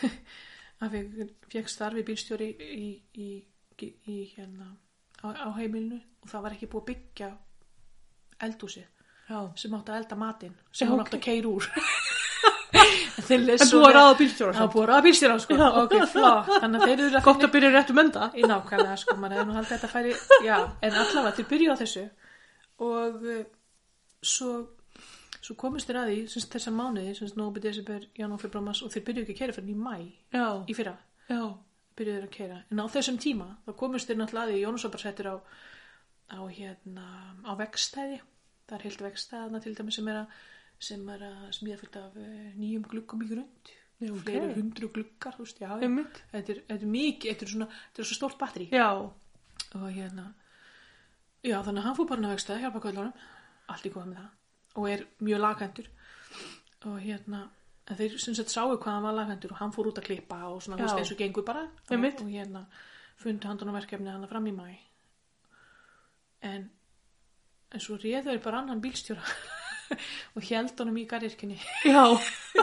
já, já, hann, hann er búin að klippa eitthvað einasta runna hana já, já eða mikið að þeim Já. og, jú, hann fór líka að dreikja eitthvað klipti eitthvað þar og hérna þannig að hann var bara í garðirkinni fór aldrei í raun og veru í að keira Já. nema aðra hverju helgi þegar bílstjóran þarf frí þá leysir Jónsson af aðra hverju helgi Mm. og um, en svo gerði svolítið núna í, í hérna ekki nú oktober, nóver þá sögð, sagði maðurinn sem séð um garrikjuna eða þess að það eru fimm gróður svona sko Mm -hmm. uh, mísum násukumlagi og hérna og sagði kallinu sem stjórnar þess að það sagði upp og hætti Mm. og Jónas alltaf sjálfsög sótt um það Algjörlega. en hann baði um flutning innan fyrirtækis Já. en hann var bara að sjálfsög ráðin eðlilega, ég menn hann væri bara kjánalegt að, Já. er, að ráði ekki mann sem er góður í þessu og hann sem sagt um, er búin að vera í því núna í, í, í marga mánuði Já. á svona laga gróðrúsin og hérna og byrjar að rækta hann sem sagt eh, hann kemur til með að vera, hann, sem sagt það sem er komið núna er kál, gúrka tómatarnir eru rétt að byrja að ráðna sko. Mm -hmm. og hann er líka með papriku og e, gulrætur það er til dæmis tvö af þessum húsum eru svona ahús það sem Já. er svona aðþak það eru tvö föst saman að gengi inn í miðina þetta eru gömul hús en þar inni eru kassar Mm. upphækkaði kassa sem hefur verið að rækta svona allan að rótargræmiti eins og blaðlaug, gulrætur, róur, Já. fullt af svona drasli sko. Já. Þannig að þeir eru með rosalega mikið að dóti sko. Já. Og bara ég sé Jónas alveg blómstrar hana sko. Einmitt. Það kannski sé verið ekkert rosalega mikið en, en hann fílar þetta alveg í Já. þetta sko. Og hann svona, eins og ég líti á þetta sko, hann er loksins farin að blómstra í því sem hann er góður. Einmitt. Og bara komin svona á því, sína hillu. hann er nákvæmlega þar sko Já. já, já, og, og já, þannig að hann tók við þess að í nómber og er sem sagt bara núna það er bara alltaf að byrja að Já. komast í gang Einmitt. sem er bara, Sá mitt á netinu að hann var að, eh, að laga húsin og... já já, og eins og ég sé, ég menna hann kannski, hún kannski tókst ekki að styrkja stöðun sína í sólbankablómum en mm Mhm. Selfoss er að fara rosa vel með okkur sko Já. og hérna, það er bara dásanlegt Já, mitt. en eins og ég sé, þegar ég liti baka yfir, yfir, yfir sko bæði veikindin og námið og allt þetta þá eru náttúrulega bara þessir einstaklingar sem að svona, svona sem peppuðu mann Mm -hmm. og ég menna, eins og sé, Eikl og Ingóls þú veist, ég hefði dáið hefði hún ekki verið hana Já. og svo kom í veikindunum sem sendi, þá var ég náttúrulega senda út og svo var ég náttúrulega hérna alveg tvo mánuði fyrst á spítala og svo á endræfingu í Reykjavík og ég menna, þar var sem sagt, sýsti tengda með mér minnar til kona um sjötugt ég haldi henni fyrir sjötug núna í janúar hún kom og var með mér allan daginn Mm. oh, því líka, þú veist, þetta, er svo, þetta skiptir svo miklu máli Einmitt. þú veist, þú tekur ekki vertu og konu og segir, þú ætla að vera öryggi for the rest of your fucking life og þú ætla bara að vera ána með það að sitja inn á spítala þú veist, Já. glætan, skilur, þú veist, ég grænjaði með líf og lungu, skilur, eðlilega Já, já. annan væri búið að skrítið, ef maður hefur ekki gert það en en eins og ég segi, sko, það, það er svona nokkrir einstaklingar sem er svona, mér finnst það að bjarga mér Mhm. það var, náttúrulega eins og ég segi, eiglu fyrir að ringja á spítalan Einmitt. og, og Ebba eh, Ebba sýtti tengdóns sem sagt fyrir að vera með mér á spítalan Já. og að hún er svona easy going hún svona, þú veist hún kom ekki til þess að tala við mig hún kom til að sitja hjá mér Já. og það var svolítið krúlletta því að hún reykir sko, þú veist, svo kom- fórum alltaf út eftir að, eftir að hérna prógraminu lauk sko, Já. og svo ætti ég náttúrulega bara að gista hana ok, og gerði ég það ætlast þið samir, ok og hérna, og ég, við settum svo út á bekk og hún reykt og ég grenjaði Já. Þetta var alveg skreitlegt en það var líka sko þarna í mann mér fannst svo gott að verða kalt Já. þessar tilfinningar Já. að sko að, að hérna maður er búin að vera úst, í heitu umhverfi gerandi æfinga fyrir líkamann og fyrir, fyrir höfuðið og allafana en í mann mér fannst rosa gott að sitja úti þannig með eppu Mm og eins og sé, hún var að reyka og uh, ég satt bara að grænja Eða, þú veist, það var svo skrítið Þú veist, ég hafði ekki stjórn Já. þetta er svona eitt af þessu sem að sem að, þú veist á, þetta er svona eins og með maður svo margt og svo er þetta að útskýra svona Já. e, tárin bara runnu Já. en ég hafði enga stjórn Eh, e, var ég svona innst inni svo sorgmætt nei, ég var það ekki Nei. ekki alltaf, ég sannlega var það sorglegt Já, já. og suma daga þá leið mér alveg vel og alveg og allt það en, en, en hérna en ekki, þú veist ég man eftir einu skipti þarna á Reykjalundi nei, Grensás fyrir ekki ára Grensás að þá hérna þá komu, komu ykkur krakkar að syngja og spila Mm. og ég man ég satt á fremsta vekk og hérna tárin bara runnu niður Já. og ég gat ekki stoppað þetta er svo eins, eins og svo Já, bara svona tilfinningaflæði bara. Alveg, og þetta bara- var rosa flott hjá þetta voru svona 12 ára krakkar Já. ég sem, æ, greið, þurfa að horfa, horfa okkur kettling og grenja fremst að mig æ, ég stíla vorkindi þeim þurfa að horfa á mig Þú veist, alveg, og þú veist, mér varst æðislegt að sita þetta mér varst gott að vera þarna, þetta var, Já. var lítið þetta var notalegt einhverju indislegt fólk í kringum mig en tárum bara runnu Já. og ég hefði ekkert um það að segja Já. og ég gæti ekki stofa það var ógislega glata Já. það var ógislega glata En þetta er bara einhver leið Þetta er sem bara- að líka minn bara Já. þarf að losa. Já, já. Og eins og þegar ég fór frá spítalanum yfir á, yfir á hérna endurhæðingastofnunina, þá er mitt klikkaði sjónin. Mm. Það er útrúlega. Þú veist, maður hefði haldið að sjónin væri bara eitthvað svona, þú veist, jú, ok, meina, þú bara virkar og vilja. Mm Mhm. Að hérna, að það hérna, að, s- að samrunin hann dætt út. Mm. Spáði því. Það átti semst að fara að flytja mig frá spítalanum yfir á Grensás og uh, Jónas ætlaði að skutla mér og það var búið að koma yndisleikon og tala við mig og ég, jú, ég ætlaði bara að vera óksla fæg og líða og Mm -hmm. bara fara með henni og ekki fara heim í blómusöluna þá með langa það er náttúrulega langmest Já, já. ég ætlaði að vera óksla þæg okay, Já. ég ætlaði að vera þæg, ég ætlaði að líða og hérna, Nei, og mann langar bara alltaf heim til sín. Það er bara mann langar svoleiðis. heim í sína hólu skilur, það er bara Algjörlega. þannig og mann langar ekki að vera okkur um spítala stofnum sko. Einmitt. en svo komu sjúkra, sjúkramenn með, með, með hérna rúm sem svo trilluð því inn í herbyggi til mín Mm. og alveg, þau eru alveg, já, er þú að fara á Grensás? Ég, já og bara ég maður, þú veist maður þetta mjög, mjög skýrt Mm. að hérna, það sem gerðist var að þeir trilluðu sinn og voru að koma að sækja einhvern Mm -hmm. og ég myndi að Jónas alltaf að sækja mig eða þú veist, það náttúrulega mm fauk út um gluggan skilur Mm -hmm. og ég var alltaf ekki búin að pakka þessu litla dóti sem ég var með í boka Já. þannig að ég alveg, já, já, já, já Heyrðu, þá, þá, eins og sé, þá klikkaði sjón e, samrunin ögnana og þú sér bara tvo ringi en ekki samrunan veistu hvað er hefna að geði? Mm. hún lokaði bara öðru Geta flækja þetta? nei, ég erum ekki með fyrir því en þú veist, þetta er eitt af þessu sem að, þú veist, maður alveg ert ekki að grína, skilja Já. að, að þetta geti virkilega skeð Já. Að samruni ögnana dett út Mm -hmm. og þú veist, ég hef ekki að labba á vegg, ég sá hann ekki, skilur Einmitt. þess vegna. En þetta voru svona nokkra sekundur, en jú, ég var sendið löglegnis og skoðað og Já. fullt af myndatökum og alveg hellingur gert. En þetta, svona smá fjarað út. Þetta voru bara nokkra sekundur sem þetta, eða sem, Já. sem þetta gerðist og ég var orðin eins og ég var í drukkin, sko. Þú veist, með annað auðvitað loka Já. og hérna en það var sem sagt, þessi sem voru að koma að sækja mig voru að fara að sækja þennan í næsta herbyggjur Já. Æj, æj. það var ekki, ég átti ekki að fara með þeim sko. Nei. en það er eitt sem ég langar að minnast á það var í sambandi við sko myndatökuna Mm. sko þegar að já, kannski fara aðeins í það hérna, ég semst var og er með gúlpínhakkan sem sprakk, Já. vissi ekki á honum sko en ég var alltaf með hausar það er sem sagt aðeins sem er svona svo setta í laginu og eitt hotni var sprungið út Já. ég samtla fyrir með Tom og Jenna bara og garslöngu skilur Já, já. Þú veist, já, já, alltaf allt sjónrænt Já, já. og hérna mm, og þeir fóru sem sagt og gerðu við þetta eða sem sagt fóru inn í líkamann gerðu, og gerðu við sem sagt gúlpin innanfrá Mm -hmm. og um, en fyrst þegar ég kom til Reykjavíkur hérna um, 2010 eða sem sagt hann í mæ þá urðu þeir náttúrulega að drena með hausinn sko Já. þá gerðu þeir gat, svona gat á höfugópuna hérna uppi það, hér, það er alveg að lokast en svo sendu þeir mig út og gerðu við gúlpin, sendu mig tilbaka en fráresli sagði þarna fyrir mænuvökun Já. veistu hvernig það virkar? Nei. ok, mænuvökun er í mænunni Mm -hmm. og ég held að hann væri bara þar Já, já. og maður veit alveg ef að hún brotnar þá er maður í vondumálum Mm -hmm. en málega er að mænuvökun er í stanslösu endurnýjun Já, fyrir upp í heila og aftur niður. Eh, sem þetta ekki sko, ég vissi þetta ekki sko. en það, þú Æ, veist, það er bara því ég lærði það.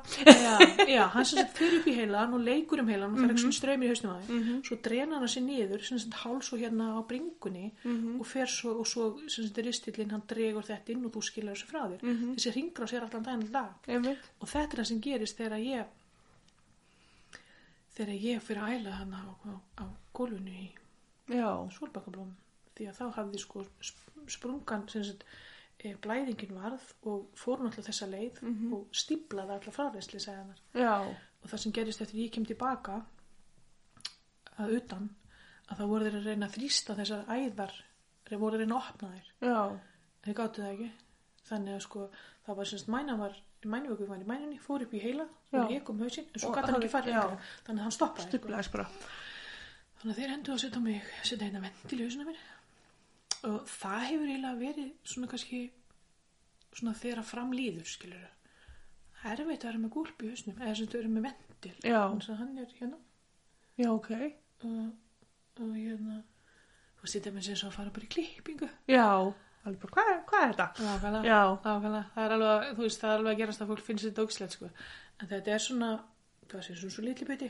Já. Þetta er sem sagt úr gatinu hérna og hérna er sem sagt ofan á höfðinu á mér er sem sagt þessi ventil og hann leikur og þetta hérna er slanga. Já. Já, Hún fyrir fer niður í alveg háls. fer Og fyrir alveg í niður. hál. Já. Já. En svo lendi ég í Slísi um, 2005. Já. Þeir voru svolítið mikið að skoða þær, þær hérna myndir þegar ég veikist. Vegna þess að e, ég held að stelpa mín að verið fjör ára, það var þetta 2005, svo cirka. Þá var ég að vinna sóla Mm.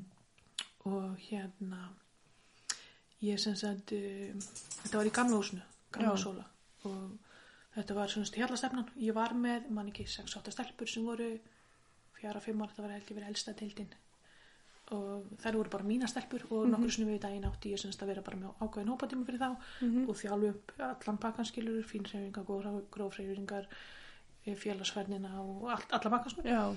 En það sem gerist það fyrir mig í hérna í fataklefunum á leikskólanum Sóla eh, ég man það verið í desember að hérna ég syns er að fara með hópu stelpuna stelpuhópin minn út og hann fer syns, við erum, við erum, það eru margir hópar inn í þessum stóra, eh, ekki drosla stóra hérna fataklefa mm Mhm. og rosalega læti eins og gengur mm -hmm. 15-20 krakkar inn í saman og Einmitt. allra glæðs í föt og Já, þessi já. svona skvaldur og læti Já, já. þannig að ég heyri ekkert hvað hún segir þessi stelpa sem stendur við leina mér sem var í mínum hóp þannig að það sem ég gerir ég sem sagt beigi mig niður að það náttúrulega og svo snúa mér að láta hann hafa eirað Já. og láta hann tala í eirað til þess að hún Einmitt. heyri, til þess að ég heyri hvað hún var að segja hún var að segja mér eitthvað Já.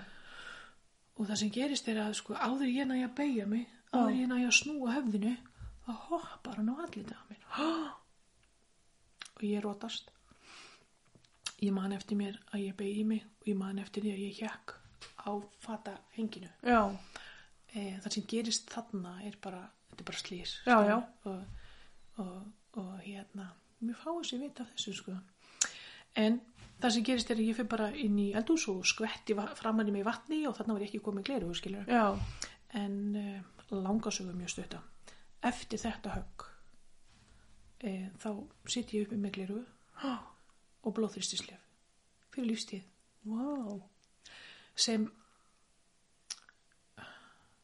sem er alltaf bara drullu skýt Já, já, það er það Já. en, en, en læknir sagði að þetta væri bara gamla mannapakkin og ég margur hefði haldið að ég hefði fengið mikla bætur fyrir það Já. það hefur líka margir sem ég held að Jónas fengið mikla peninga fyrir að rekka gaulund Já, já. en nei, ekki krónu Já, já. og ég sé, þú veist, þetta er svona eitt af þessu fáa sem ég sé eftir, að hafa ekki staðið upp fyrir sjálfu mér Já. og hafa þarna ekki leita til lögfræðings Já. því að sko þeir, já, ástæðan fyrir ég sagði frá þessu er að sko, þeir voru alltaf að skoða þessar myndir Einmitt. ég endaði í Reykjavík, þarna sko ekki með flug, ég heldur bara ég fór heim og ég var alltaf Já, að já. dreipast í hausnum ég gæti ekki farið inn í maturubúða því ljósin Já, voru bara flöktu á- að drepa Já. í hausnum sko þannig að það var allt rosalega skakt og ekki lægi og, og mér leið eins og ég væri að horfa hann í svona flösku þú veist, það var svona, þú veist, það var Já. svona ákveðin pakki svo sást Einmitt. en allt var rosalega blörr Já. og, og hérna auðvitað átti ég að stíða niður og Já, já. ég átt að gera eitthvað í þessu, Já. ég veit það. Ég gerði það núna lungu, lungu setna. Já. Þá var þetta fint, Já. ógslaglega. Mm En, en um, þessi stelpa sem að gerði þetta, eins og ég sé, ég, ég ásaka hann ekki fyrir það. Nei, mitt. En ég kannski, það hefði átt að gera lögregluskísla af þessu. Mm. Af því að ég seti upp með gleru og blóðhustisli fyrir lífstíð Já, já. og Það að var náttúrulega bara vinnuslis. Já. Þetta er nefnilega vinnuslýs, þetta er ekkert annað og slýs bara það sem að svona hlutir gerast, Já. Mm. Þú veist, þetta hefði alveg sketa, skeið heima hjá mér, skeiður með mína stelpu Mhm. en en ég, þú veist, þetta er eitt af þessu örfáa sem ég sé eftir þegar ég Já. er tilbaka, þannig átti ég að segja nei Mm. þetta er ekki gamla manna pakkin, ég er 30 og eitthvað ára, Einmitt. ég man ekki 38 eða eitthvað, þannig að þetta gerist þannig að þess vegna hlutum sér ég ennþá með gleru sem að hérna sem að breytast í sól Já. að því ég ræði illa við sólina Já, Eða byr, byr, já, byrtuna. en þeir fundu semst ekki gúlpin á þessu myndum það var tekið mynd af höfðinu á mér, Já, sko. ok. ég er semst með stórt þykildi hérna á bakvið Já. að það lendi hérna á milli augnana upp á ennið Já. og, og hérna e, þegar ég fyrir heilablófæli svo þá skoða þær þessa myndir Já. hvað er að gerast, ég meina er þetta eitthvað sem við sáum en, Einmitt. en sko gúlpurinn er í nakkanum Já. og það var of djúft, þeir sáu það ekki Og náðu þeir að taka gúlpin alveg eða? nefnistu þeir fylla upp í hann Hmm. mm. já, þeir fylla upp í hann að, e, um það byrja helming Mm. og þeir hérna svo eru ykkur blóðflögur í, í blóðinu sem eiga að fylla upp í rest Mm. og ég fór í, eins og sé, fullt á rannsóknum og, og allafana eftir þetta, hvað, Já. hvað er að, að hérna hvernig ég er Já, mitt.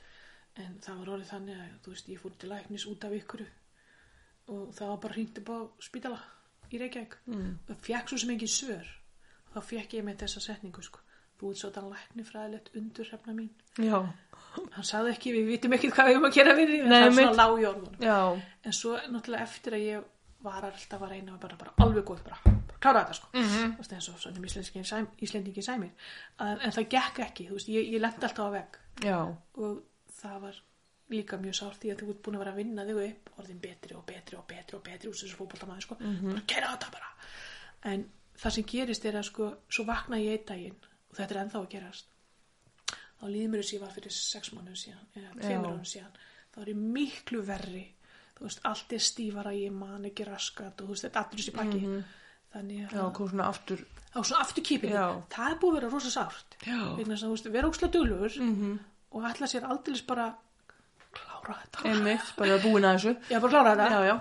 og þá hérna, en svo gerist það bara það hérna, svo náttúrulega, eins og ég, ég hef gert eftir að, eftir að ég semst, hefur hrunnið niður nokkur sinnum það bara, það bara núna, ég er búin að gera í nokkur ár og ég var stolt að segja því það er ekkert búin að spreyta minni með einu morfín í fimm ár sko, eða fimm, sjö ára eða eitthvað Mm.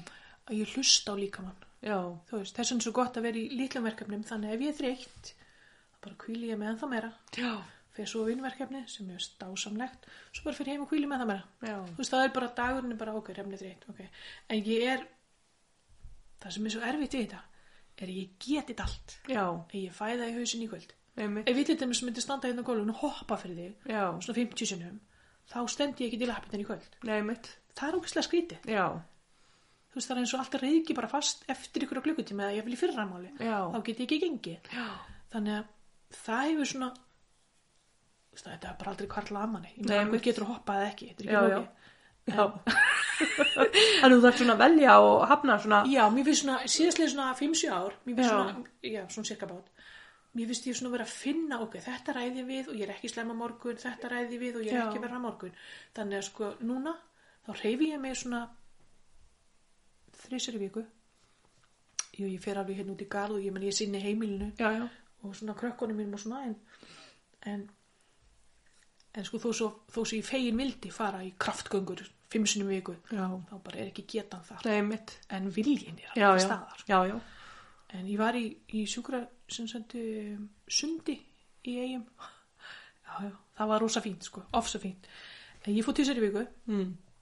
og lásu í rúminu í fjóra dag Já. þú veist, fór á, fór á yldi, mann ekki, voru þriðu degi og fymti degi Já. þriðu degi lág í rúminu á miðgudegi, fór á fymti degi lág í rúminu á föstu degi, Já. þannig að hrefnum minn alltaf bara verið í rúminu alltaf dag Einmitt. þú veist, og ég manna, ég man ekki hvort ég gerði þetta í 2-3 mánu eða hvað það var þannig Já. að sem sagt svona 2011 og 2013 eitthvað slags, 2011 og 12 en með samráði við, við hérna minn sjúkraþjálfara, hún bað mig bara að hæja eins og Mm. og í dag, ég er ennþá bara einu sinni í viku Já. þú veist, ég mitt fann hérna sjúkra, er sem svona e, gíktar leikvim heitir þetta er í sundi Já. og ég hoppa ekki og ég hleypa ekki og mm. þær býða maður ekkert um það Nei. það er, þú veist, það er bara, eins og ég kalli svona reyfa liði Já. að ég er alltaf lang yngst þú Já. veist, þetta er allt 70 plus en þú veist, þess að ég segi, ég, meni, ég er svo gömul sála Já. mér finnst það bara fínt Já. það það böggar mig ekki sko og hefur í rauninu verið aldrei gert það, með, það sem ég finnst svo skrítið með mig og reynda með Jónas líka er að sko hversu mér eru svo gamla sálir Mm.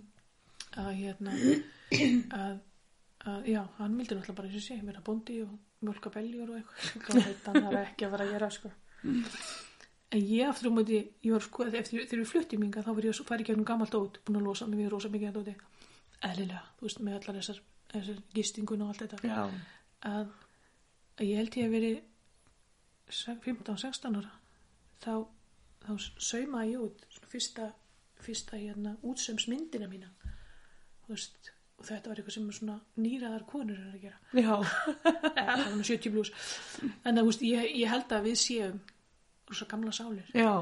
og þess vegna líka kannski veljum við fríkar eitthvað gamalt hús bara þú veist, alveg með betri ekki á veggjónum sem er búið að mála og svona vinna Já. heldur en eitthvað, þú veist, við gátum alveg að fara og kefta okkur nýtt hús, okkur bara langaði ekki í það Nei, einmitt. miklu frekar eitthvað svona gamalt og vinalegt stór garður, þú veist, kvartur út í garði og, Já. og svona bara Nú, Já. hús með sál. hús með sál já, já. Ég, ég er allavega ekki þessi típa sem að myndi köpa mér hús sem var í svarta innan með öllu svörtu Nei. eins og sem, það er ekkert Nei, svart ég- inni á mér Sæ, ég sæði það ekki þar. Nei, ég, ég er ekki, eins og þú, ég meina, þú er ekki í þessu þú, Já, ég er í 100 ára gamla húsi. já. Ég, ég held samt að þetta er þessi yngsta húsi man ekki, Já. 150-60 klukk Já. sem þetta er byggt já. en er ekki 100 ára gamalt hús með sál Algjörlega. algjörlega bara garisti ég, Ég tími mitt, eh, ég, ég þurfti eiginlega að fara að komast á eina hæð en ég bara tími ekki að selja hús mitt. ég skilja já. Þannig að ég bara pínum upp og niður stíðan, sko. Jónas áttir hún særut með það einmitt að, að láta sólbakkan Já. hann alltaf sko hann var Það er ótrúlega koma tengist svona húsum. já, það er það ég var aftur um móti alveg tilbúin í það Já. og ég var náttúrulega alveg tilbúin í að fara alveg tveimur árum aðan hann vildi það sko Já. en það var náttúrulega líka kannski bara því að þú veist eins og við vorum að tala um aðan þú veist að vera heima þessir allan daginn allan dag Já. að þau út öryrki Mm -hmm. eh, það er bara, ég held að sé mann skemmandi Mm -hmm. og ef ég hefði orku í að gera stjórn, stjórnmálamaður og rífa kjátt að alþingja myndi ég gera það Mm. ég bara hef ekki orkja að ég hvet alla til þess að fara og rífa kjátt út af þessu, vegna þess að sko bara það að hafa til dæmis kannski 20% starf pældi í því fyrir örkja Já. að hafa eitthvað að gera sem þú Mm. eru áhuga á að gera og getur gert tvisar í viku, þrisar í viku þá þarft að fara að sofa kristilum tíma, þú þarft að fara og, Einmitt. þú veist, þá, þú veist, þá raðar lífinu í kringum það Já. og það Já, er- bara hafa tilgang. algjörlega sko og mér fannst ég svona síðust árin í eigum ekkit hafa neitt volum mikinn tilgang Já. en þess vegna er ég svo ánaða þó svo að við náðum ekki að kaupa þess að garðkjustu það hefði náttúrulega verið alveg geggja sko Mm -hmm. en eins og sé, það var okkur ekki alltaf en eins og núna þá er hann bara í hverjegri Mm -hmm. í vinnu að rækta fyrir heimilin og ég er bara í fullt að skemmtilega verkefni minna Já. og mér finnst það geggja Já. og í- eins og í þessu húsi við erum mynda fyrir utan ána að sko manni bregður að kæri bíl þess að gautu Já. og alveg nei, það er eitthvað að hérna? kæra hana það það liggur við sko, Já, það já. er mjög rólegt en það sem að komur á óvart að sko samhugur hérna á Selfossi er ekkit minn en ég heim Já, það. hann er öðru vísa því ég þekki alla það Já, já. en nei, ég er búin að lenda í fullt af aðstöðum hérna á Selfossi þar sem að fólk er að gera hluti sem það þarf ekkit endilega að gera Já. þú veist og kannski meira heldur en ætla sér til af þeim Mm -hmm. og hérna gott dæmið það var þegar stelpan var sem sagt, nýflutninga til okkar aftur eh, hún sem sagt kipt sér nýjan bíl en nýlegan bíl hann var tökja þryggjara hann var búin að standa á, á hérna bíla, bílasölu í Reykjavík í 2-3 mánu Mm. og hún var alltaf að lendi í vandræði með að geimirinn bara dó Mm. Tökja þrýkara kannar bíl og maður hefur nú aldrei Já, hann leið, sko. Þetta er, einmitt. þetta er kýja bíkant og þetta er bíl lítið púta. Já, já. Og hérna, og hérna, svo lendum við því að, að vera bens, eh, rafmókslausar á þessum nýja bíl, fyrir utan bónus, Já. á Selfossi. Já. Og ég þekkti bara einn, eða tvo, ég þekkti Berlindi sýstunir á, hérna, Stokkseri. Já. Og svo þetta langt er hann að vara. og þetta var kljóðan tvö og maður úr lífinu. Já. Og svo Jónas í vinnunni í Hvergeri. Já. Daniel, hvað má ég gera? Ég bara bankaði á næsta bíl. Já, bara Ég sé, fyrirgefðu. Heyrðu heyrðu vinur, hérna, ekki átti starfkabla. Já. Ég er smá að dræmi bílinn, stelpan er eitthvað, er eitthvað aðeins um geimir eða eitthvað. Heyrðu, þessi elska, þekki hann ekki neitt. Hann var, jú, redda þessu. Ekki máli, hann reddaði okkur starti. Svo sann, heyrðu, hérna, er þið búin að vera lent í vandræði með bílinn? Fór ég að segja hann frá því að að hún var búin að eiga hann í þrjá fyrir mánuð. Hann var alltaf að lent í Já. að, að sko, það hafði þessi staðið á bílasölunni og þá var bara geimurinn og nándur. Já. Þó þetta var bara þryggjur Já, já. og já, hann sem sagt rálaði mig hvert ég átt að fara Já.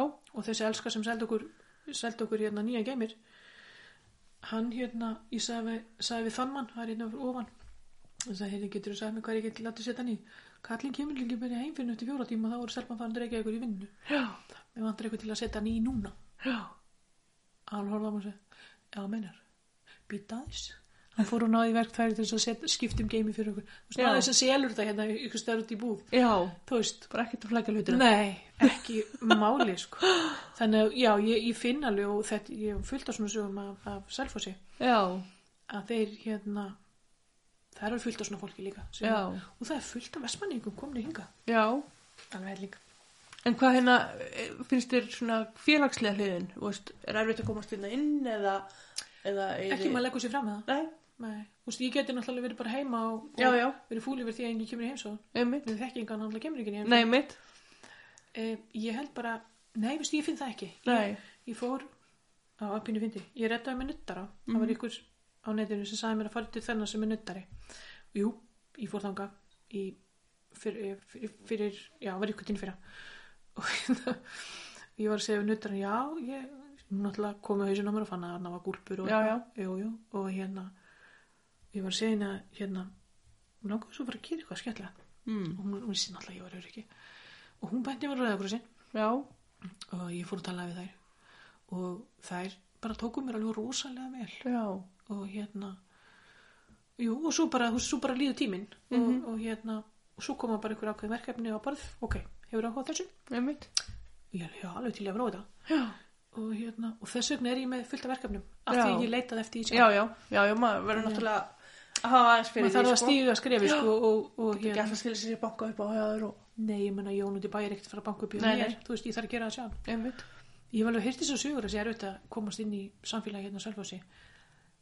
Ég finn það ekki, sko. Nei. Ég gerði það ekki. Nei. Það er samsvöldi grútlegt að, að hérna að það ekki aðalega bara fólk sem er 70 pluss. Já. Þegar maður er bara 50 að tekja.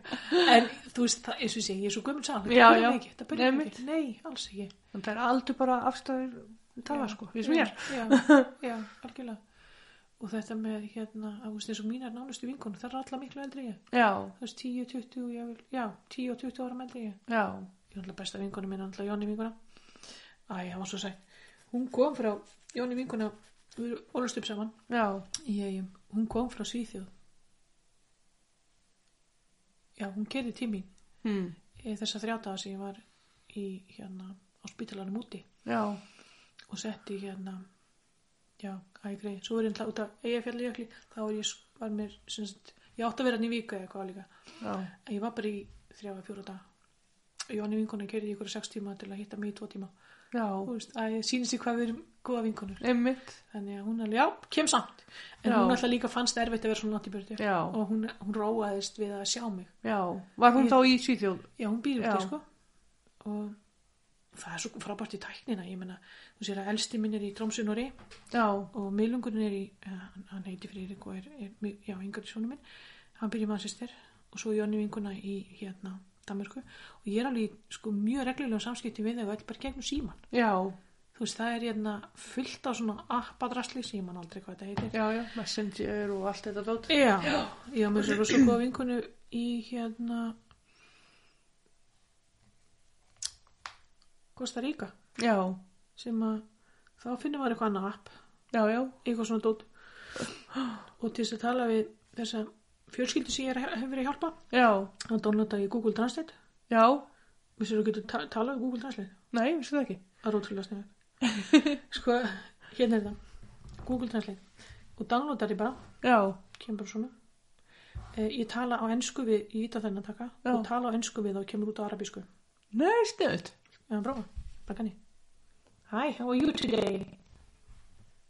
مرحبا كيف حالك اليوم Já, þannig að þú komið frá arabísku. مرحبا كيف حالك اليوم maður bjarga sér sko Já, algjörlega. þetta er sko tæknin í dag er á þessu mögnu Já, þú getur verið í daglega samskipti við fólk Alls sem er staðar, í heiminum, já, sko. mitt. þannig að þó ég búi að selfósi þá er ég alveg í góðu samskipti við fullta fólki í Európu já, maður það bara internet já, og góða algjörlega. síma Einmitt, sem er alltaf bara gegja já, og, og eins og með þetta með, með að vera mannavinur hérna hjá Rauðakrossinum þetta er búið að rosa gaman já, og, og rosalega fræðandi og náttúrulega svolítið óhugnulegt líka já, já, vegna þess að þú veist, þetta fólk er að koma úr Úr misjöfnum þessu sem, er, aðstæðum, að- já. þessu sem er að gerast í, í Ukraín í dag einmitt, er ekki hrú að koma til eitthvað núna já, ég ætla bara að hvetja alltaf til að gerast mannavinni hjá Rauðakrossinum já, vegna þess að þú veist, einu svo þart er í raun og veru bara síma já, og þó getur þú talað við alla einmitt, já, læta ekki stoppa mig en þetta er líka bara spurningin um sko, hefur þetta að gefa -hmm. þetta er svona eins og Jónas segir þegar ég var að tala um kennsluna ég væri búin að kyrkja á alla hann hefur ekki þólum að í, sko, hann, hann er ekki kennar í sér já, en hann er miklu meiri gargifrængur í sér já, og þar, þar blómstrar hann einmitt, en, en nei, hann skilur ekki alveg hvernig ég hef þólum að í, í, hérna, í kennslu og Já. annar manna bett já. þannig að hérna, En eftir hérna heila blófallið, já fannst þér úr tap ykkur niður? uh, meinar þú getunni það? Já. Já, ég gerði það ég hérna fyrir utan þetta andlega uh, litla batteri sem að ég sitt uppi með Mhm. er sko já ég teki þetta svolítið á humorli sko uh, ég, ég er ekki sjúklingur ég er kjúklingur Já, hljóma betur og sko ég eftir að hafa verið rannsökuð alveg í ræmur að þá hérna eins og ég sagði þá, þá talaði um að maður, þú veist, hver og einn náttúrulega situr alltaf uppi með eitthvað nákvæðin baka og ég sit uppi með það að þurfa að hreyfa mig Mhm. annars reyka ég föst Mhm. og ég þarf og samt ekki hreyfa mjög mikið nei, nei, þá leist í rúmið já, finnur Þannig svona, varstu að finna támarkinn? já og finna svona, mér langar ógst í göngu en ég fór í göngu í gær, á ég ekki Já. það núna ég fann fyrir í bíltúr Já, Mhm. þannig ég rúnta mikið ég er kona á litla pútu Já. æðislega, bara smá hring bara já.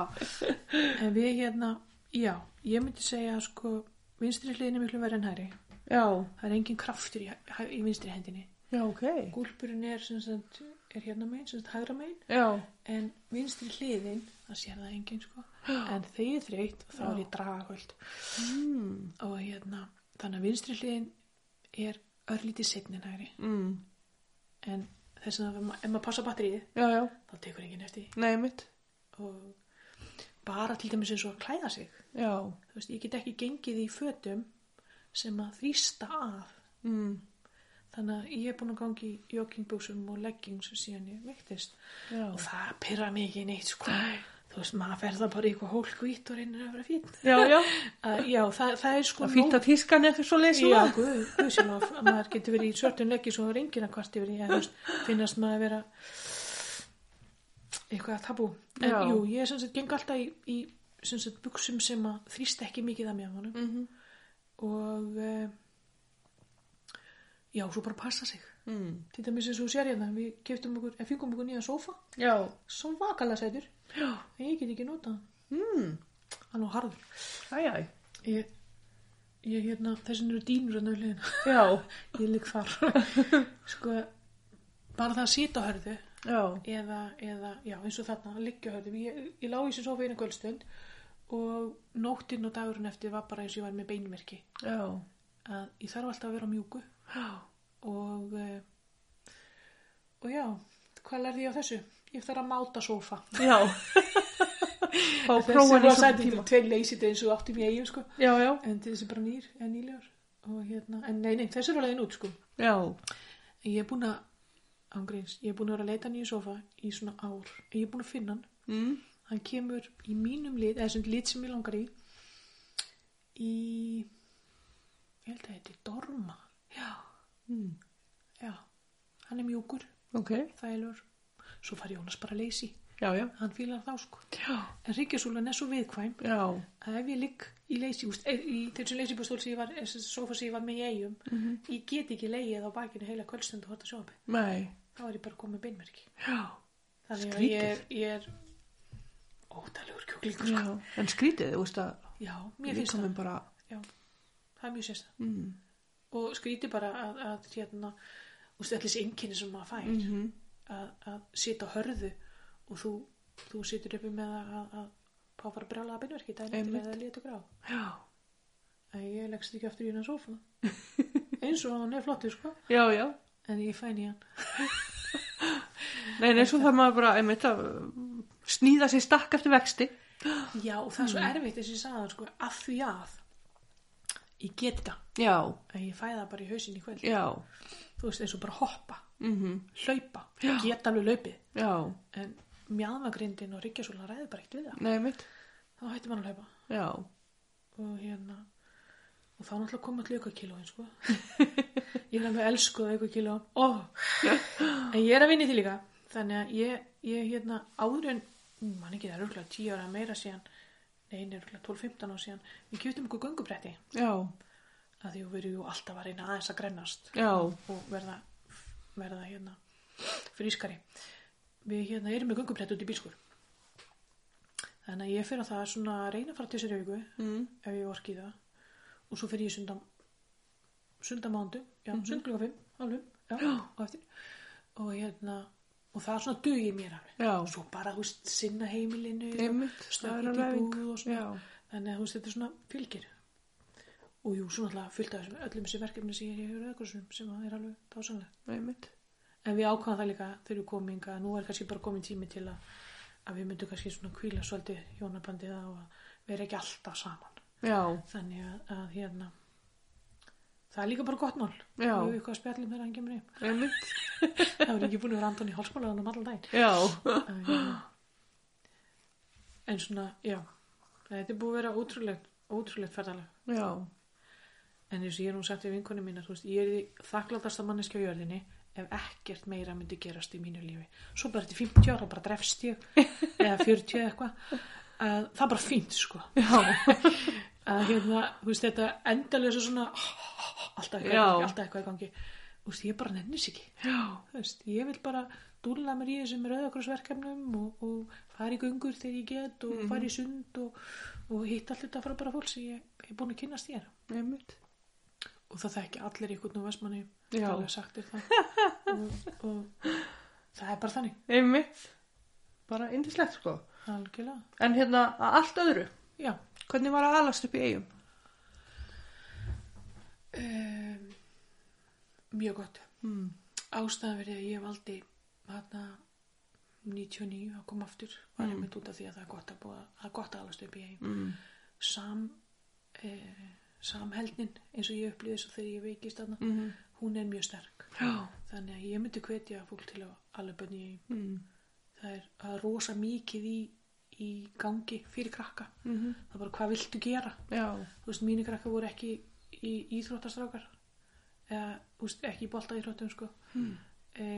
en ég meina þeir voru í skák þeir voru í skátunum, þeir voru í frjálsum stelpaðan var í sundi Mhm. þú veist, þannig að það var fullt annað sem þeir gætu Já. gert þannig að ég myndi segja að svona lítið samfélagi eins og eigarnar um, það er, það er rosa gott að alveg bönna Mhm. þess vegna ákvaða við hann 99 að fara aftur Já. og, og hérna og leifa börnunum að vera börn Mm. og skottast um allt þar En hvað finnst þið svona ábúta vant í versmanum? lifa gæri ekki fræðingum að hafa skoðun Nei, ábútavann e, fyrir mig er náttúrulega bara tækifæri til að fá hvað að gera Já. þú veist, ég með sko með mína getu, að þá get ég ekki gert eins og ég var Já, samt einmitt. sem sagt e, Já. e, ég var samt alveg í verkefnum en ég þurfti bara meira Einmitt. það er kannski svolítið helst það Já. En hérna, og spyrja endalösa spurninga Ekki máli. Bring it on. hvað finnst þið skemmtilegast við eigar? Uh, Eia kvöldin. Mm. Æðislega. Það var um, Mér finnst frábært að fara í göngutúr í eigum en mér finnst það líka í á Selfossi Glimt að segja það Við endan þessari götu er risa skóur Mm. Kjöra það eftir já, Hann heitir Helliskóur Það er hellirenningstað líka uh, Ég labba hann mm. þar að segja það er ekki gler hálka maður breytur sem maður fyrir út í göngu nei mitt en Eh, já, ég, ég, ég labba hann Já. tölvöld og þetta eru sko, ég veit ekki risast og greinitri já, og stórtri eh, mér finnst sko svona í gegnum tíðina þar sem að hefur, eh, hefur veitt mér ána í eigum er þegar að, að þú fyrir göngutur mm -hmm. þá hittir þú eitthvað alveg Mhm. eins og gengur og fólk er eh, fólk er og almennlegt já, í eigum og þessi bara kinga kolli og taka eftir manni og, og hérna það gefur þú svo mikið já, og ég er alveg komin á þann stað hérna sko já búin að hitta alla nágrannana já, já, indislegt, indislegt fólk og hérna en ég ég hérna og ég eins og sé, þegar, þegar við ákvæmum að fara tilbaka hérna 99 þá, þá var það mikið til út á krakk, það var eiginlega engung út á krakkunum sko, já, út á strákunum sko, stelpa var ekki fætt hérna nei mitt að hérna leifa þeim að fá þessa bensku að því Jónas var, var fekk ekki rosalega góða bensku mamma hans og Já. pappi sem, sem skildu og það var mikil óregla í heimilinu Mm. þannig að hann var í held ég man ekki, 15 skólum og 10 árum eða eitthvað, þú veist, þetta var eitthvað bara algjör þú veist, þetta voru bara brjálega tölur sko já, já, þannig að hann átti ekki svona svona reyður, svona öru mm. teimili þess að þú gæst alltaf leitað í nei mitt og okkur langaði að gefa þeim það já, en þess vegna var líka kannski ennþá sárara vegna þess að ég dró í, dró í land hvað ég var að gera já, og ég ætlaði að fara á stað þegar þau voru orðin stór sko mm og þess vegna fór ég náttúrulega kenna hana mig já, já, svo fór það eins og það fór já, já þannig að að ég græði bara hana í staðin já, að hérna mann er alltaf eitthvað annað í lífinu það er já, mér var bara alltaf að finna út í hvað það er já, það eru svona þessi- þessi signal sko það, Já. hvað manni langar að já, já, þetta þarf alltaf, alltaf að vera sko áhuga tengt sko já, það þarf það og ég meina ég gerði fullt að skemmtulega hluti í eigum til dæmis eins og með skólagarana það var rosalega skemmtilegt verkefni já, og það var aðeinslega við sem sagt, eh, ég man ekki hvað ára þetta var þetta voru t- þrjú, fjör ár síðan ég gerði þetta eh, að þau refna langaði að gera eitthvað skemmtilegt já þá vöktum við upp skólagarana áttur vorum með þetta fyrst fyrir utan þú veist á bakvið faksastík þrjú, við áttum það fyrst já, í sem gistihús skiptum svo á faksastík þrjú og faksastík 33 já mitt uh, og hérna já, byrjuðum þar með skólagarana það var mjög skemmtilegt og æ, mjög svo sárt, við þurftum að, að vísa fólki frá já, það voru fleiri krakkar sem vildu koma heldur en komu stað mm. það var bara, bara fullt rými voru orðið fullt nei sko. mitt þannig að þeir fóru af stað aftur með, með hérna garðana hann upp í hvað er þetta löngulá hann Já. er neðan höllina já mitt, já, það var mjög skemmtilegt já, og váka og gaman að senda krakkana heim með fullan boka allafan að dóti já og ég, að því að þú veist, það svo stór partur af, af, af, af námi er þessi félagslega færni já, ég er öll í því sko, æfa þau í félagslega færni ég hafði það þannig að sko það voru, það voru eitthvað þrennt svo þú ert að gera reyta arfa og ég menn þú reytir ekkert arfa fimm daga vikuna en nei, nei þú ættir að leita á hann sko það var alveg mest ekkur nefnilega líka við að leita að arfanum sko uh, hann var að skemma fyrir okkur og svo þurftur að fara í já, svo þurftur að vökva krakkandi náttúrulega dröðsljus með, með hérna með garð könnunar hérna og vökuðu rosa vel síðan garð alla daga sko vel vökva en svo þurftur að fara í tvo leiki já, ég hafði það fannig að ég sem er mér, svo veist, þessi krakkar koma kortir og svo er bara farin já, gerum eitthvað annað, gerum Já. eitthvað svona pínu meira challenge nei mitt Þetta voru semst reglunar. Leita arfa og, og, og tínan og setja mm -hmm. hann í þessa rúi hana. mm -hmm. Og hérna, og svo þurftur að vöka og svo þurftur að fara í tvo leiki. Það var eiginlega svona ástur fallið spýta eða, eða, eða hérna féluleikur földi sér hann inn á milli trjána. og svo. já, Það var ógislega gaman. nei mitt Það var mjög skæðlega. Og hérna, þetta er svona eitt af þessu sem að hefur, hefur gefið mér mjög mikið já, virkilega og, og hérna en svo ég held að það hef verið annað, nei, þriðja, fjórða árið að þá hérna já, árið sem ég veikist að þá þá hérna, náttúrulega var ég ekki í skólavarun Ella, ég var upptekin með hana Já. að, að þá komu þá kom ykkur önnur inn og hjálpaði með skólagarana með hann Já. sem að hérna redda þessu en þetta var mjög skemmtilegt en mér varst líka ókslega gaman að vera úst í, eins og ég segja, ég var að segja hann í lónunni og í Mm. vinn í bakari mér varst það mjög skemmtilegt, Já. gerði það í sex ár uh, vinna með krökkum leikskólanum, skóladæmin Mm. mér varst þetta allt og slaga hana Finnst þér eitthvað leiðilegt? Þú svo jákvæð og bara... Þú veist, það finna við að mér, mér, mér finnst sko mér finnst uppfaskalur rosalega leðilegt og að þrýfa eldús finnst mér mjög leðilegt Já. en mér finnst leiðilegra að horfa og skýtu eldús Já. þannig já, ítla best aflöki klára þetta og því líður miklu betru eftir Já. og það er bara allt inn í ölina og já, þannig að sko það er leiðilegt og það er leiðilegra Já. Eh, finnst mér eitthvað leiðilegt? Eh, eh, ég held að eiginlega allt sem maður gerir er eiginlega bæði skemmtilegt og leiðilegt. Já. Það er bara spurning hvernig hún lítur á það. Einmitt. Ég var einu sinni barþjóð. Það var leiðilegt. ég er ekki barþjóð í mér, sko. Já. Ég er ekki þar, sko. Ég Já. fyrst að leiði náttúrulega misti bakkan sem hann náttúrulega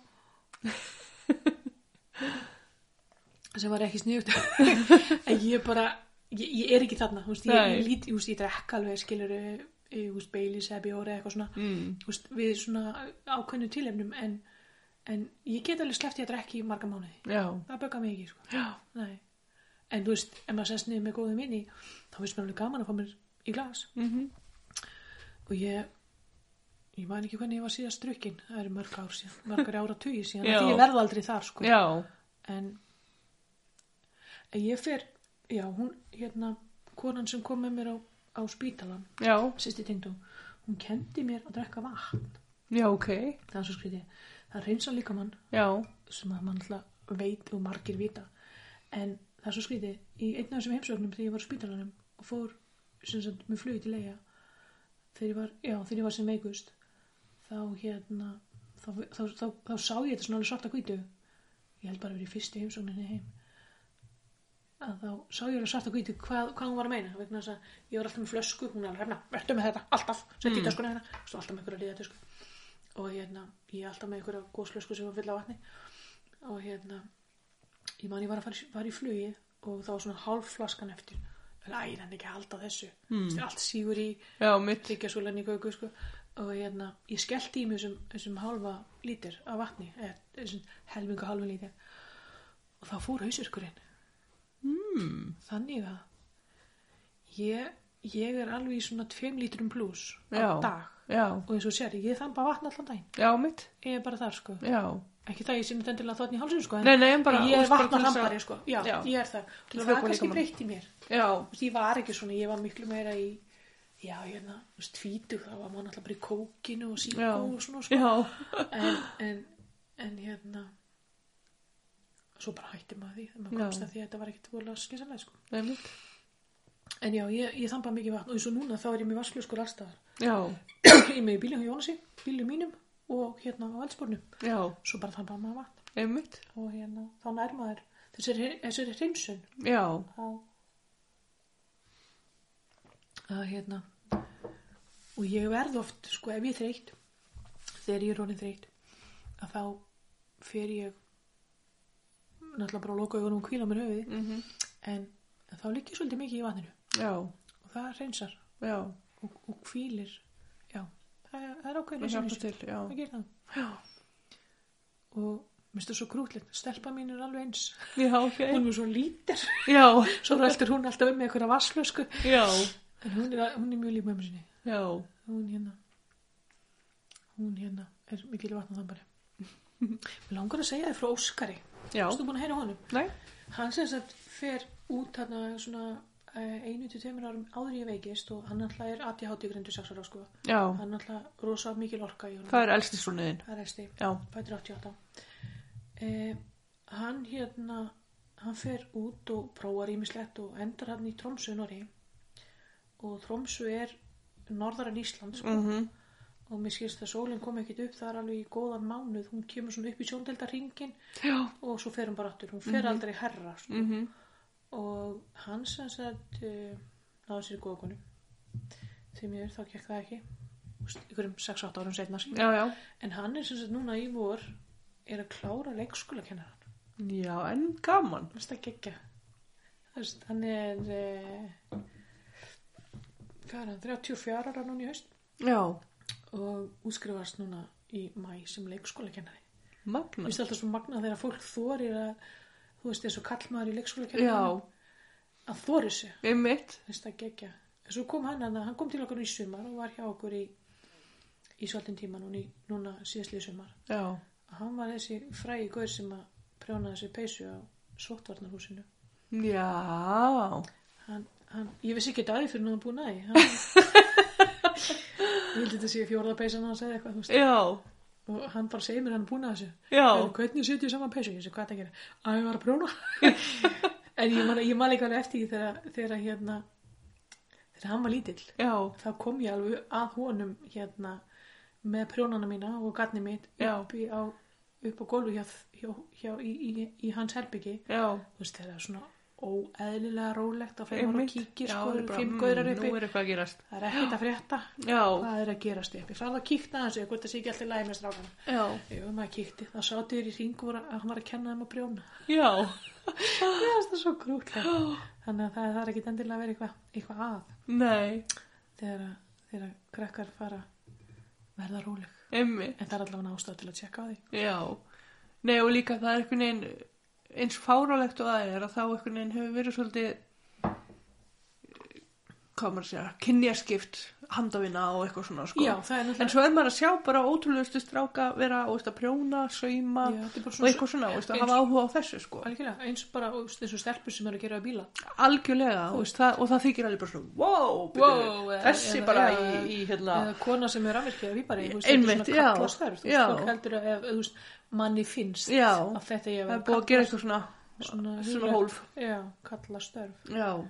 En en, hann- hvað er Friðrik að gera? hefur Friðrik það er nú magnað að segja frá honum hann er svona sem mamma sé svona róleg típa sko og hann er svona gaur sem að sem sagt, tók Harry Potter og las hann á einni helgi og kom svo bannur þetta er rosalega góð bók Já. ég veit, jæja, sko, næstu búin að vera að lesa já, það er svo að kíkja á þetta sko jæja, þú veist, 400 blasir 12 ára Þú veist, hann var svona þessi típa sko en hann, það var svo krútlegt hann sem sagt eh, hann kynnist sinni stelpu eða sinni kæri unnustu í dag mm. trúlófið sér fyrra hitti fyrra eh, á netinu eins og það gerist svo oft í dag en þau eru bara nákvæmleins Já, það er bara kallkinn og kvenskinn Já. þú veist, þau, eru, þau eru bara nákvæmleins sumi típur sem er dásalegt en þau sem sagt kynnast þarna þegar hann er í 89. veg já, og uh, ég er svona mamma sem segi ég vilt ekki nei Mhm. ef það meikar sens þú veist, þá, seg, þá reyni ég frekar að finna lausning hvernig ég geti til að láta þetta ganga já þarna var hann í nýjöndabæk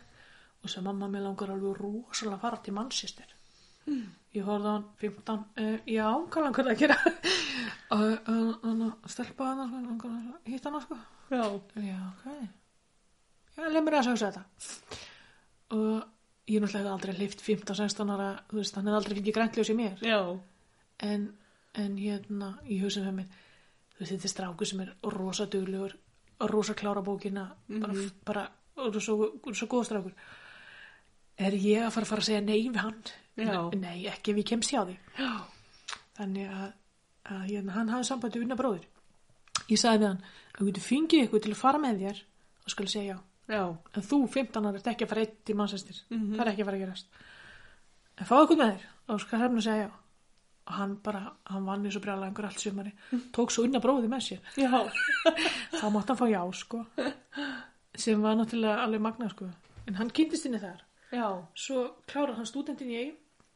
Hann klárar, uh, uh, fór í margmjölaskóla, sem sagt, hann klárar stúdentinsprófið, svo er margmjölaskóli líka framhalskólistigi. Tók hann líka og þar lærir hann grunninn í forritun og fer út og ætlar að vera í, ég man ekki, þrjá eða fimm mánu. Hann tók í sem sagt, lítið herbyggi með, með öllu já, eh, á leigu í þrjá, fjóra mánu og ætlaði bara að gefa sér þann tíma. Mhm. og búin að fara fram og tilbaka og, Já, já. og, og Paige er, er hérna búin að koma til okkar hjálpa okkur eins og með tjálstæð og fleira Mhm. -hmm. þannig að hún er búin, þau eru búin að vera að ko- fara fram og tilbaka svona jól og páskur og sumar í öllis ár og hérna hann sem sagt uh, fer út uh, fær enga vinnu en var búin að sækja um á fullt af einhverjum skrifstofum, svona hatunum skrifstofum mm Mhm. -hmm. hatunum miðlum og fann ekki neitt en daginn ára hún átti að fara heim þá fekk hann reyngingu um að koma í vital hann fór í vitali og þá fekk hann sko af því hann er ekki forritari, hann er ekki með sko Já. gráðskólagráðan og forritari, en hann Já. kann það Já. uh, út af því hann fór í markmjölunarskólan Þetta er ekki markmjölunarskólan, ég kennar áskólan Jú, Já. uh, held að Þannig að hann fór þangað og fekk uh, reynslu í tvær ykkur og hann var bara sína, hann var bara að Já, standa, já. standa sig sko. og hann framlindi þessum leigusamningi og, og var aðeins lengur en hann er ekkert hvað heim með þá en hann fekk, hann, já, hann fekk það starf og Já. bara hefur það rosa gott að Já. svo Frábært. líða nokkur ár og þá þau kiftu sér mann ekki, þrjú ár síðan eitthvað leys Mm. og hann er svo, hann er svo skynsamur hann valdi gamalt hverfi svona örugt, að því er náttúrulega mannsýstir í Stórborg Já, já. og allavega hverfi í gangi Mm þannig að hann, hann hérna fann eh, gott hverfi sem var nálagt en ekki ekki alveg í miðbænum Já. og eh, kifti sér gamalt hús sem er svona helmingur, þessum hvað er þetta, parhús Já. helmingur svona mm -hmm. múrsteinshús og er sem sagt að dunda sér við að gera það upp Já, ok. Og er hún frá Manchester? já, Já. hún Paige Já. hún er, já það er nú eitt að kannan segja frá því uh, hún allir búin að vera hún er áringarinn hann hún er búin að vera bara í sínu sk- námi líka eins og hann en hann hérna eh, í mannsýstir getur við tekið stúdenspróf í dýra ummunun Mm. spáði því þú veist, mér finnst það svo magnað þegar maður Mhm. lítur yfir mitt nám í Galadagan skilur versus núna Mm. hversu rosalega mikla mögulegis krakkar hafa Já. að hún kláraði sem sagt eh, ég held að séu 12 ár úti Já, Minnir ok. mig sig þannig, þú veist, þetta er, þú veist, við erum með 10 ár í grunnskóla og svo tvö, eða voru fjögur Mhm. í framhaldsskóla að þú erum stúdent Eh, ég held að sé þannig í mannsýstir að það tekur bara 12 ár að það erum stúdent Já, ok. mér minnir að sé þannig og hún sem sagt útskrifaðist með, með sem sagt eh, þessa gráðu að vera í dýraummunum og eins og í kennaranáminu mínu þá þurftur að velja eitthvað ákveðið dýr Mm -hmm. og vera ókslega góð í því Já. þannig að ástæða fyrir að ég er alltaf að senda henni uglur er að hún valdi uglur Já, ok. þannig að hún veit allt um uglur Já. og hvað er hægt að gera sem sagt, þjálfun og, og, og hérna allan bakkan, Já. hvernig á að sinna þeim Já. þannig að hún gæti, hún gæti húslega ekki dýragarð Já. En það er ekki dýragarður á Íslandi nema húsdýragarður. Já. En ég veit ekki Og alveg hvort það- slakki. Já, ég veit ekki alveg hvort það var til í það sko. En, Já. en hún er bara, þau eru búið ánæðan í mannsýstir. Já. Það er aðeinslegt. Já. En skríti hvernig kerfin virka. Nú fær við hérna, við, e, e, við sömdu við krakkan okkar allra, alla, að hérna, gefa þeim bílprófið ef þau myndi ekki byrja að reykja og drekka fyrir 17 ára. Já. Það tókst með öll og við punguðum þessu öll út og ekki maður sé ekki eftir því. Nei. og maður líka bara er að búa til ákveðna ákveðna hérna ákveðin ungdóm sem að er ekki að fara að fara að hrinn í það 15-16 ára skilur sem er bara gott mál en uh, hún uh, hvað, já, Friðrik fekk sem sem bílprófið sitt þarna 17 ára eins og þau öll Mhm. en svo fer hann út og þá þarf hann að taka bílprófið aftur já, þeir keira hinum einn sko Já. þeir keira rungum einn eða við, veit það ekki en þeir keira náttúrulega vinstra megin sko. Já. við keirum hægra megin þannig að þeir hérna þeir fara ekki fram á það að þú takir ykkur nákvæðin part þú ert að taka allt drastlið aftur Já, þú veist bæði bóklega og, og alla pakkan sko. og já þannig að hann er búin að þurfa að fara í gegnum það aftur Það er svolítið skondið. já. Það skulle ekki bara vera verklega höfðin eða eitthvað. maður hefði haldið það sko Já. að þú ert með bílpróf, Já, þú veist kannski mitt, já. 10 gammalt bílpróf og, og já, Friðrik er að vera 30 núna í april Já. þannig að það eru hvað 13 á sinni hann tók sér próf Já. að þetta kom mér á óvart að, að það væri ekki bara, eins og segir, bara eitthvað verklið sem Já, getur mitt, tekið. bara sína og kunna Orðið. að keyra vinstra megin. Já. Já. En það er rosa skeri að sitja í bíl vinstra megin. Ég horfði bara ekki út úr gluggan. Nei. Eða allavega ekki framrúðun. bara, ó, shit, maður, já, það er, nei, hann er hann viltu megin, já, ok. En þetta er, þetta er bara allt annað kúltúr, sko. Já, En hún er alveg sérlega indal, hún, hún Paige. já, og hérna og hún fekk enga vinnu við þetta, eða semst fann ekki starf sem hana langaði að, að gera í mannsestir, þannig að hún startaði eigin fyrirtæki mm. og er sem sagt núna að eh, hún er að e, viðra hunda fyrir fólk sem er í vinnu mm. þannig að ef þú skráir í hjá henni þá bara kemur hún heim til þín já, og sækir hundin, viðrar hann og ef hann er allir í rullu þá er hún líka með græju til að þrýfa hundin Já. og, og græja hann bara óf, bara og skilur hann þannig að hún er hunda er hún stundi, hvað er þetta? Pages Puppies já, á Facebook, þetta er fella kröðlega já. Það hún- er svona hundadekir. hundadeikir Það er daggæslu. og hefur hún bara mjög fín Já, og pældi í dásölu starfi hún græði þessi bíl Einmitt. fyrir þetta þannig að hún er, hún er bara með búrin í en ég skilja þessu búrin er bara í bílum og hún, já, þau koma bara, hún tekur bara ákveðna ég held hún fari þrísar yfir daginn já, hún er með 2-3 hunda í hvað skipti einmitt, og eh, er bara með nokkra staði sem hún fer á og já, lefur þeim að laupa og, og, og snufa já. Það er ábygglega mjög skemmtilegt starf. rugla gaman Svo gaman eru með hundum. já, já. þau eiga ekki hund sjálf sko. Nei. það var eitthvað svona sem að hérna, allavega ekki að þá Já, og já, ég er ekki verið amma spáði því, hmm. ég er samt alveg til í það en þess að ég segi þú veist, ég finnst mikilvægur að börni mín þú veist, eins og öllum fóreldrum að þau, að þau finni sig já. og eins og þeir eru báðir Óskarar klára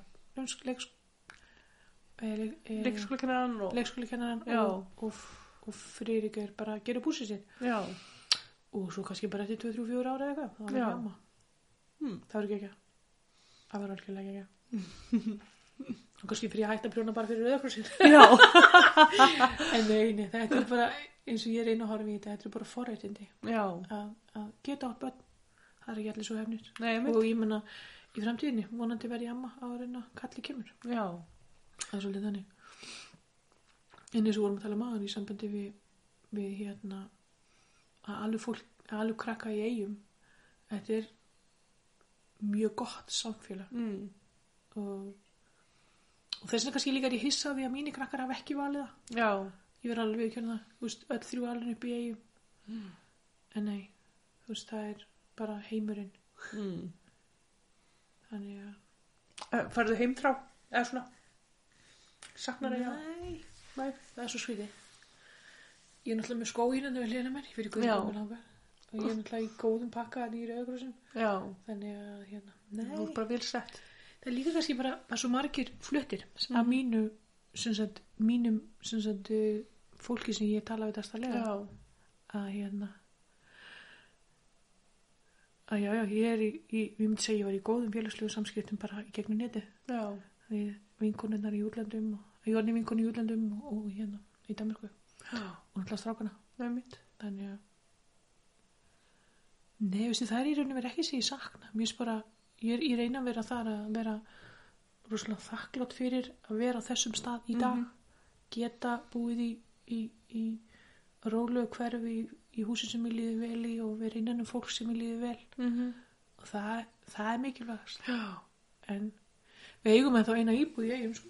já, ok. efri hæðin í reyrinu eða Já. gamla reyrinu um, hún er ennþá á, á hérna hún fór bara í langtímalegu Já, við náðum að selja sem sagt hinn tvö húsin og neðri hæðina já, en við náðum ekki að selja efri hæðina en hún fór bara í langtímalegu núna og hún fer aftur á sölu núna með vorinu já, þannig að vonandi vil ykkur eignast þetta hús nei mitt. þannig að, að hérna en svo er heimurinn svo lítill, mér finnst það svo magna e, ég þekkti mjög vel fólki sem bjóðið af hliðina og ég vissi ekki af því að því Jóni vinkuna á tvo bræður, Elvar og Svanur Já, og ég hérna, þeir náttúrulega fluttu allir hérna, bara mjög ungir sko. e, ég hefði ekki hitt þau í 15 ára eða meira já, en litla stelpan hans bjóðinu við hljónum minn Já, ok. ég hefði ekkert séð hana síðan hún var 5 ára og hún var 25 ég er eftir, eftir dóttir hans elvas ég er eftir ekki að grínast sem hversu lítillir heimur ég skil. Já. Að, þú veist, ég elst upp með, bró, með, með pappinar í eigum og svo náttúrulega bara gengur lífið á og, og, og fólk fyrir sína leið Já, já. og svo lenda ég, endi, ég- enda ég í, í húsinu við leina henni Já. Vistu ekki ekki? en þetta er, eins og ég sé, þetta er það sem ég er svo dásanlegt við lífið Já. hvað einhvern veginn þetta fer einhvern veginn allt í ringi Einmitt. þú veist, ég er ekki tissa að, að, að hérna ég, ég er ekki tissa á þessu en mér sitta samt þetta er svo- þetta er svolítið- gaman að því Já. Og gaman að, að hérna að lendi í þessum aðstæðum aftur og aftur og aftur Einmitt. að, að þekkja nákvæmlega bara mjög vel Já. en en já, við þurfum sem sagt að vera á sikurum bílum til þess að refna geti fara að vesli matinn þannig að ég fekk litla púttu Já. ó, ég er svo skotin í honum Jaris, algjör dulla sko. að, hérna, ég, hérna, Jónas er á stúrnubíl og það er bara til að komast örgulega á milli Já. og, hérna, og ég er á lítilli púttu Já. en ég hef aldrei trúað því út af náttúrulega eru samgöngu við hérna hafa mikið að segja hérna. með hennar Mm. og maður verður alveg svolítið þreytur á því að komast ekki en það er partur af því að búi eigum sætti sig við það en hann hefur alveg lent í því sko núna er byrjun, ma- byrjun maðs hann hefur lent í því tvisar að þrísvar frá áramótum að komast ekki til hverjargerðis Já, hérna á milli. hérna á milli, Já, ok. það var að loka Og það var svona mikill snjór og bara vant viður og...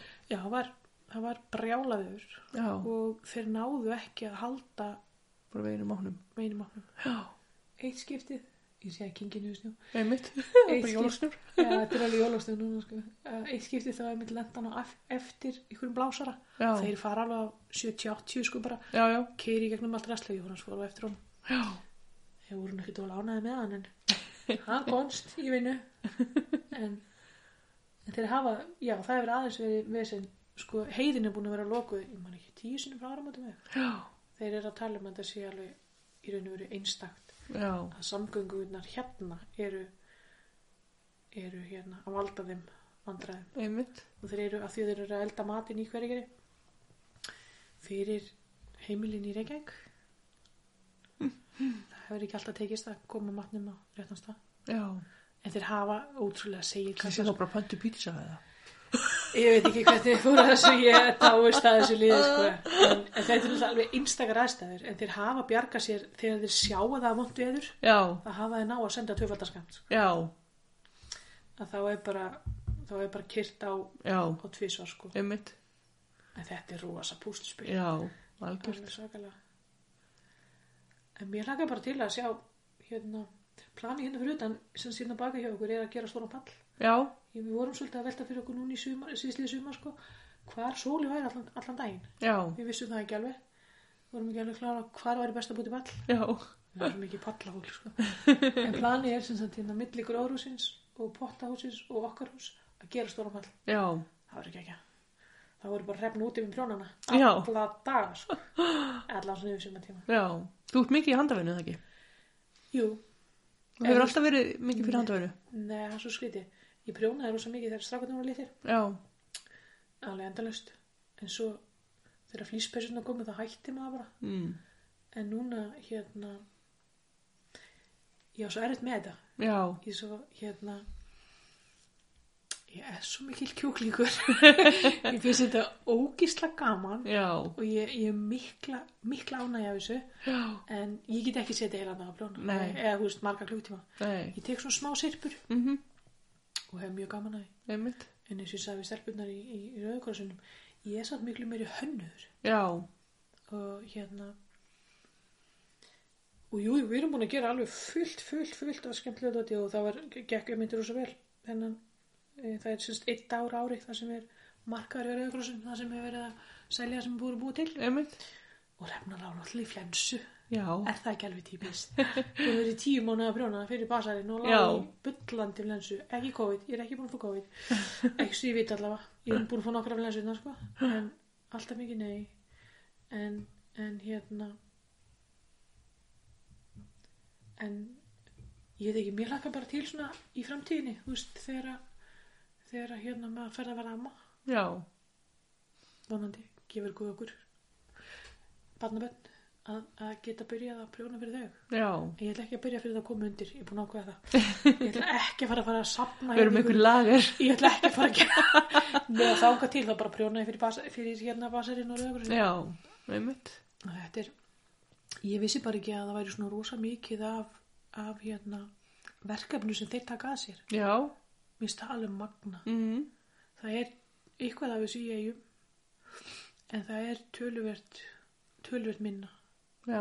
ég hlýttum að svara í þessu verkefni að vega rauðgrassins í eigum að hjálpa nýbúum með heimanum Já.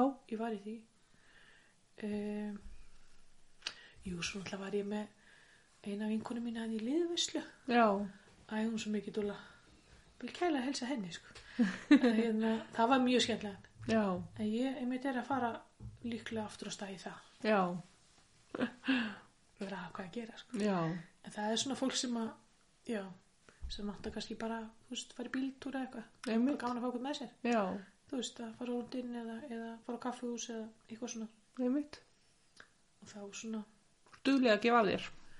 ég ég hérna, þetta er bara svo mikið ég Já. þú veist, ég væri svo innilega til í að vinna á leikskóla, eða skóla, Já. skóladæmi eða eitthvað en batrið er bara ekki Nei, nóg, mitt. sko, Já, já. Þá erum maður bara að finna sér. Já, ég Einhver önnur geri það. verkefni? Já, og þessi, eins og ég segi, þessi verkefni sem ég er komin í hérna, þetta er bara geggja Já. og mér er svo frábært að, að vera loksins komin á þann stað að geta þetta Einmitt. þú veist þú veist og núna þó ég sé í útkverfi eða fyrir utan á á Selfossi, ég held ég sé svona 6 myndra lapp inn í, kr- inn í krónu Já. þannig að ég er mjög stutt Já. þannig að ef mér langar að fara í matöllina þá er ég svona 6-7 myndur Já. alveg ánga, Einmitt. bara yfir brúna þá er ég komin Já. þetta er dásanlegt, Þannig að þeir eru bara sátt og sæl á selfósi. mjög svo Mm. og bara loksins komin á, þú veist þessu ég segi ég er komin í öll þessi verkefni á Rauðakrossunum Jónas komin í garðirkjuna í hverjari Mm. og þetta er bara smellar fínt Já. og svo í, í, í auka tímanum allir við að dunda við að gera upp þetta hús Einmitt. og það, það er svona fullt af plönum Já. og spurning hvað tíminn gefur Einmitt. Það er bara indislegt. algjörlega og það er náttúrulega bara ásvöld að búa í svona gömlu húsi það sem, að, það sem sálin er sko. Einmitt. það er svona eins og sé sjálf það, það, það er svona gamla gamlar, gamlar sálir velja gömul hús Já. það sé svolítið máli Já. Þú veist, mér langar ekki í þessi glæni hús með öllu sörtu og stál og Nei, einmitt. Þetta er ekki alveg ég sko. Nei. Ekki alveg. Þannig hér er allt í brúnu Já. og bara svona kósi. Bara kósi. Já. Bara kósi. Skilja. Bara takk æðislega fyrir að bjóða mér í, í kaffi og, Í kaffi. og, bjó- og bjóða flóka í heimsón sem Já. er búin að vera bara ótrúlega stiltur og steinsofandi. Já, og ekki sofnaði. Hann sofnaði Já. og aldrei vitar mig kannski tjekkja á þér síðar Nei, alltaf velkomin. hvernig staðan er. Algjörlega. Alltaf hjartalega velkomin sko. Bara takk kærlega fyrir. Takk fyrir það. Nú eru lesið viskubrot sem Ásta Engilbertsdóttir skrifaði árið 1939 í Blik og ber nafnið Gæfusmiðurinn og lífið. Heimildur eru feignar af heimasló.is. Þetta sögubrot er í bóði bókasafsvæsmanega. Gæfusmiðurinn og lífið Sér hver er sinna eigin gæfusmiður. Það er dögg á sumum blómum en ekki öðrum er haft eftir vitrum manni vegna þess að þau opna byggar sinn og draga döggina til sín, meðan að hinn lokar byggar sínum og láta dropan renna af. Líkt er okkur mönnunum farið. Við erum móttækilegir fyrir alls konar utanakomandi áhrif. Við uppskerum eins og við sáum. Ef við erum ánægð með dagsverkið, erum glöð, þá sýnist okkur allt umhverfið vingjartlegra og bjartara. Ef við erum aftur á móti í vondu skapi, erum ólundarleg, þá fær heimurinn sama svip fyrir augum okkar. Þess vegna er okkur nöðsynlegt að temja okkur yðjusemi, reglusemi, háttpríði og gott hugarfar. Ef við tölum illa um náungan verður útkoman svo sama. Hann talar illa um okkur. Við eigum að taka lífinu eins og það er. Mikilvægt, alvarlegt og þýðingar mikið mál. Nota hvert tækifæri til þess að gera það sem rétt er. Sumir menn finna gleði allstaðar og við öll tækifæri meðan að aðrir eru ólundarlegir og líta út eins og þeir væri að koma frá jarðafur. Eins og maðurinn getur heyrt án þess þó að hlusta, getur hann unni gott verk án þess að hafa eigilega nokkuð fyrir því. aðeins með hlýju hugafari og fáari framkomu. Lífið er eins og tré sem þroskast af því frægi sem til þess var sáð. Sætindi ávakstar þess og ilmur blóma þess er fyrst og fremst komið undir næringunni sem það hefur fengið. Ásta Engilbertsdóttir, þriðja bekk.